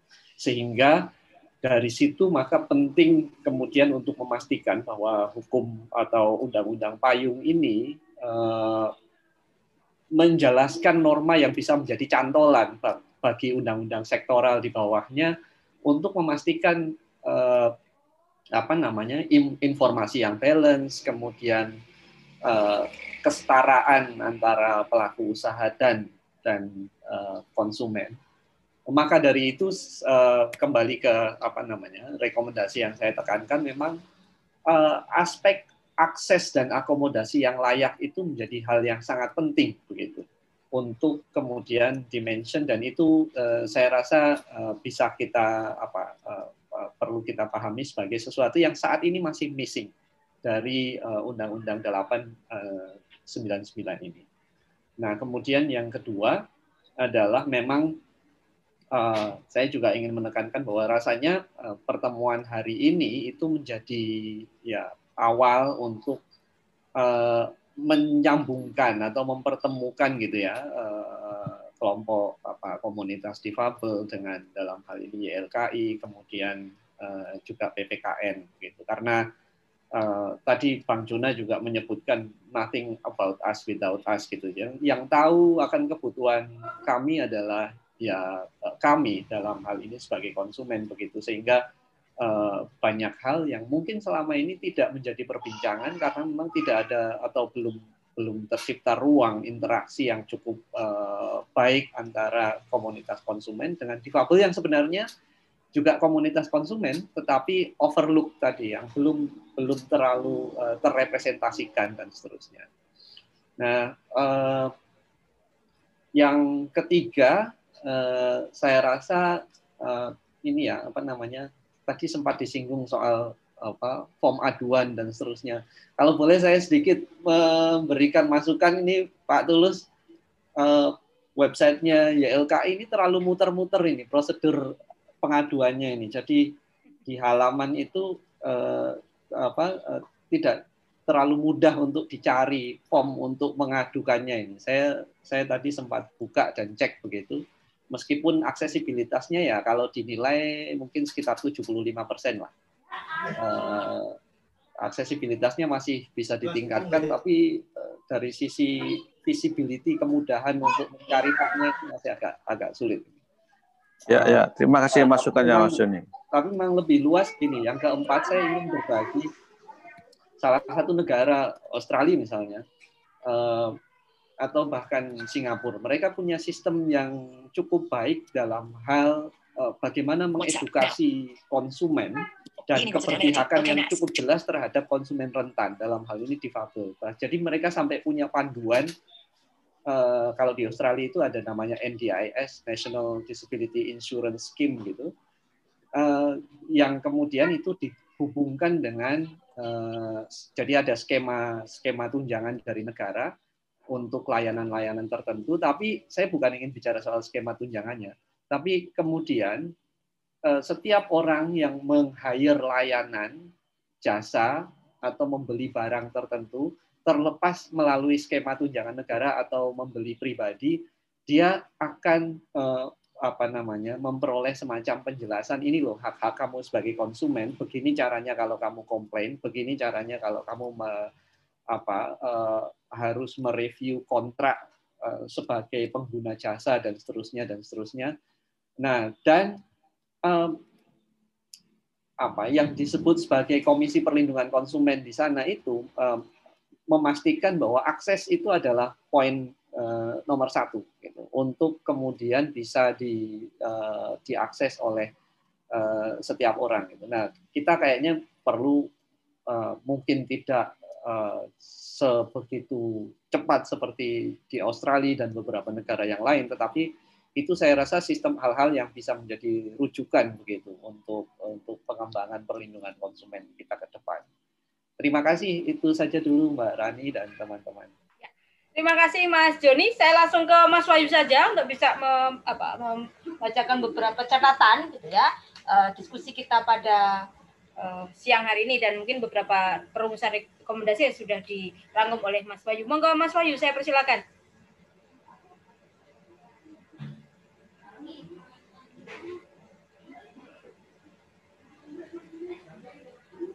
Halo, Mas Wahyu. Ya, J. Masih di mute, Mas Wahyu. Di unmute dulu, Mas Wahyu. Tak. Oke.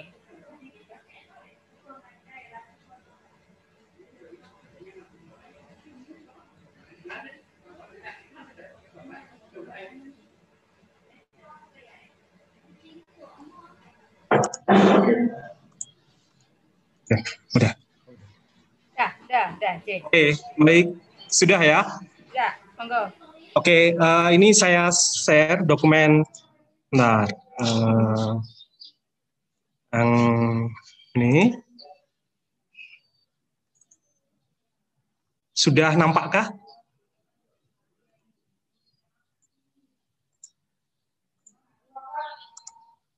Sorry, belum nampak ya? Belum, belum. Sebentar.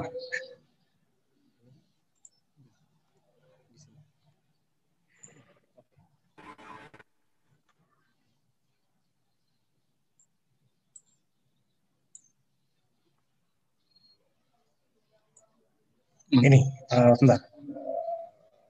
Ini kan ya? Di sini klik. Oh, dibuka dulu. Oh, dibuka dulu.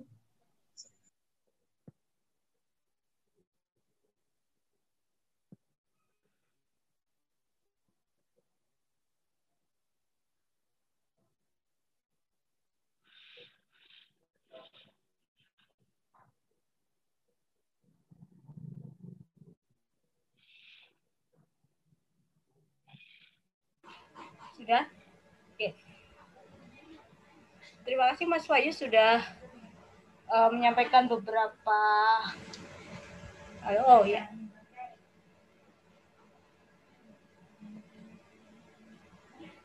Monggo.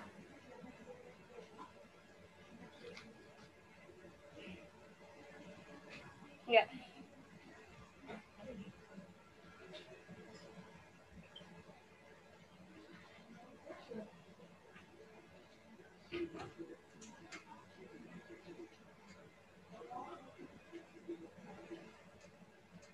Suaranya nggak ada, Mbak. Iya, Mas Wahyu.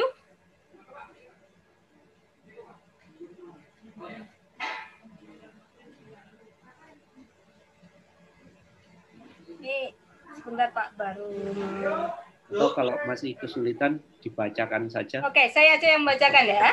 Baik, uh, sudah Mbak Rani. Oke, oke, Baik, siap. Yang pertama adalah uh, kebijakan perlindungan konsumen berperspektif HAM dengan melakukan harmonisasi dan penguatan regulasi perlindungan konsumen dengan menguatkan poin perlindungan bagi masyarakat rentan. Ini subrekomendasi ini ada beberapa. Yang A adalah harmonisasi UU PK 899 dengan UU penyandang disabilitas 8 2016 dan ratifikasi konvenen untuk penyandang disabilitas Undang-Undang 19 tahun 2011 termasuk penggantian istilah penyandang cacat dengan penyandang disabilitas sesuai mandat UU 8 tahun 2016. Contoh tadi ini Mbak Yeni di UU 44 tahun 2009 tentang rumah sakit pasal 29 kewajiban rumah sakit masih mencantumkan penyandang cacat. Yang B, belum ada ruang untuk kelompok konsumen rentan. Contoh di Undang-Undang 8 tahun 99 perlindungan konsumen kita cek di penjelasan pasal 4 huruf D, hak untuk diperlakukan atau dilayani secara benar dan jujur, serta tidak diskriminatif berdasarkan suku, agama, budaya, daerah, pendidikan, kaya, miskin, dan status sosial lainnya. Jadi ini masih terbingkai di status sosial lainnya. C, belum ada penghubung hak konsumen dan hak difabel. Tadi dari paparan Mas Joni yang ini saya masukkan dan juga Bang Jona. Lalu yang kedua, rekomendasinya ada panduan penyelenggaraan dan penyampaian komunikasi garing informasi yang aksesibel mengenai produk dan jasa, baik online maupun offline. Yang ketiga, rekomendasinya adalah partisipasi difabel dengan mengembangkan edukasi konsumen yang ditargetkan atau berpihak pada konsumen rentan khususnya difabel. Rekomendasi keempat, mekanisme komplain atau aduan yang aksesibel, responsif, dan memudahkan. Yang kelima, data uh, dalam ini konsumen difabel yang holistik dan terintegrasi. Kemudian yang keenam, sistem perencanaan penganggaran dan sistem penganggaran perlindungan sosial dan konsumen yang berperspektif HAM Ketujuh, sistem dan mekanisme perencanaan pengadaan dan monitoring evaluasi perlindungan konsumen yang holistik. Kedelapan, tadi dari Pak Arief, saya masukkan rekomendasi, kajian PPKN seluruh wilayah perlindungan konsumen, termasuk transaksi ekonomi digital. Sub A, sosialisasi dan edukasi, serta akses informasi bagi konsumen disabilitas. Sub B, penyediaan aksesibilitas, prioritas pelayanan dan fasilitas pelayanan yang ramah disabilitas khususnya pada pelayanan publik. Sub C, penyediaan layanan pengaduan yang ramah konsumen disabilitas baik terkait form, tata cara, mekanisme dan lain-lain, termasuk permudah prosedur pengaduan di lembaga aduan konsumen. Rekomendasi ke-9 tadi dari Mbak Yeni, penghilangan diskriminasi, stigma dan dukungan peningkatan perlindungan hukum konsumen difabel psikososial dalam layanan kesehatan dan hak lainnya. Ke-10, tadi Mas Tulus saya masukkan amandemen prioritas UU Perlindungan Konsumen agar penuhi hak-hak konsumen difabel termasuk perbaikan terkait akomodasi layak bagi konsumen difabel. Tapi tadi saya masukkan menjadi kebijakan UU sektoral sekaligus perkuat UU sektoral. 11 review regulasi dan monitoring evaluasi implementasi pelayanan publik di Indonesia yang ramah dan aksesibel pada konsumen difabel. Tiga terakhir, eh, 12, isu perlindungan konsumen, termasuk konsumen difabel, menjadi perhatian lintas kementerian, tak hanya Kementerian Perdagangan dan Kemensos. Uh, 13, dorongan pembentukan lembaga konsumen disabilitas 14 advokasi dengan merebut ruang dan membuat praktek-praktek baik lintas isu hak terkait perlindungan konsumen difabel.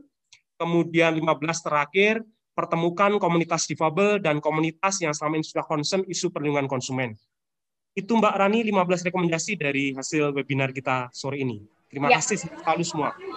Luar biasa. Terima kasih Mas Wahyu sudah memberikan catatan yang sangat luar biasa di sesi diskusi kita dari tadi jam setengah dua sampai jam empat lebih dan uh, terima kasih juga saya ucapkan kepada seluruh narasumber gitu ya dan juga Pak Cato dari GIZ luar biasa terima kasih dan tentu saja kami berharap pada diskusi ada kelanjutan diskusi-diskusi kita selanjutnya untuk membahas bagaimana kemudian hak teman-teman difabel dalam perlindungan konsumen ya. Karena tadi masih baru maka sehingga harus perlu didiskusikan dan melihat praktek-praktek baik. Merebut ruang dan membuat praktek baik itu sangat luar biasa. Uh, saya mohon maaf selaku moderator dalam menemani Bapak Ibu semuanya dalam berdiskusi pada sore hari ini apabila banyak salah kata dan mungkin juga beberapa hal uh, saya sampaikan membuat panjenengan semua tidak berkenan, saya mohon maaf. Dan juga selamat sore, selamat beraktivitas kembali, dan sekali lagi salam sehat selalu. Dan akhir kata, wassalamualaikum warahmatullahi wabarakatuh. Ada pesan dari panitia sebelum kita selesai, mohon uh, mengaktifkan videonya agar teman-teman bisa foto bersama. Jadi foto bersama, teman-teman panitia akan memfoto, mungkin akan beberapa slide ya, karena uh, peserta gitu. Semuanya mohon bisa mengaktifkan videonya. Baik, teman-teman akan ada tiga kali foto karena Oke, akan ada tiga kali slide. Untuk itu akan saya hitung satu, dua, tiga. Tahan sebentar. Slide kedua. Sebentar, saya hitung. Satu, dua, tiga. Baik. Satu kali lagi, teman-teman. Sebentar, saya save dulu. Satu, dua, tiga. Baik, terima kasih teman-teman. Terima kasih luar biasa dan selalu sekali lagi salam sehat, salam buat keluarga panjenengan di rumah semuanya semoga selalu sehat. Wassalamualaikum.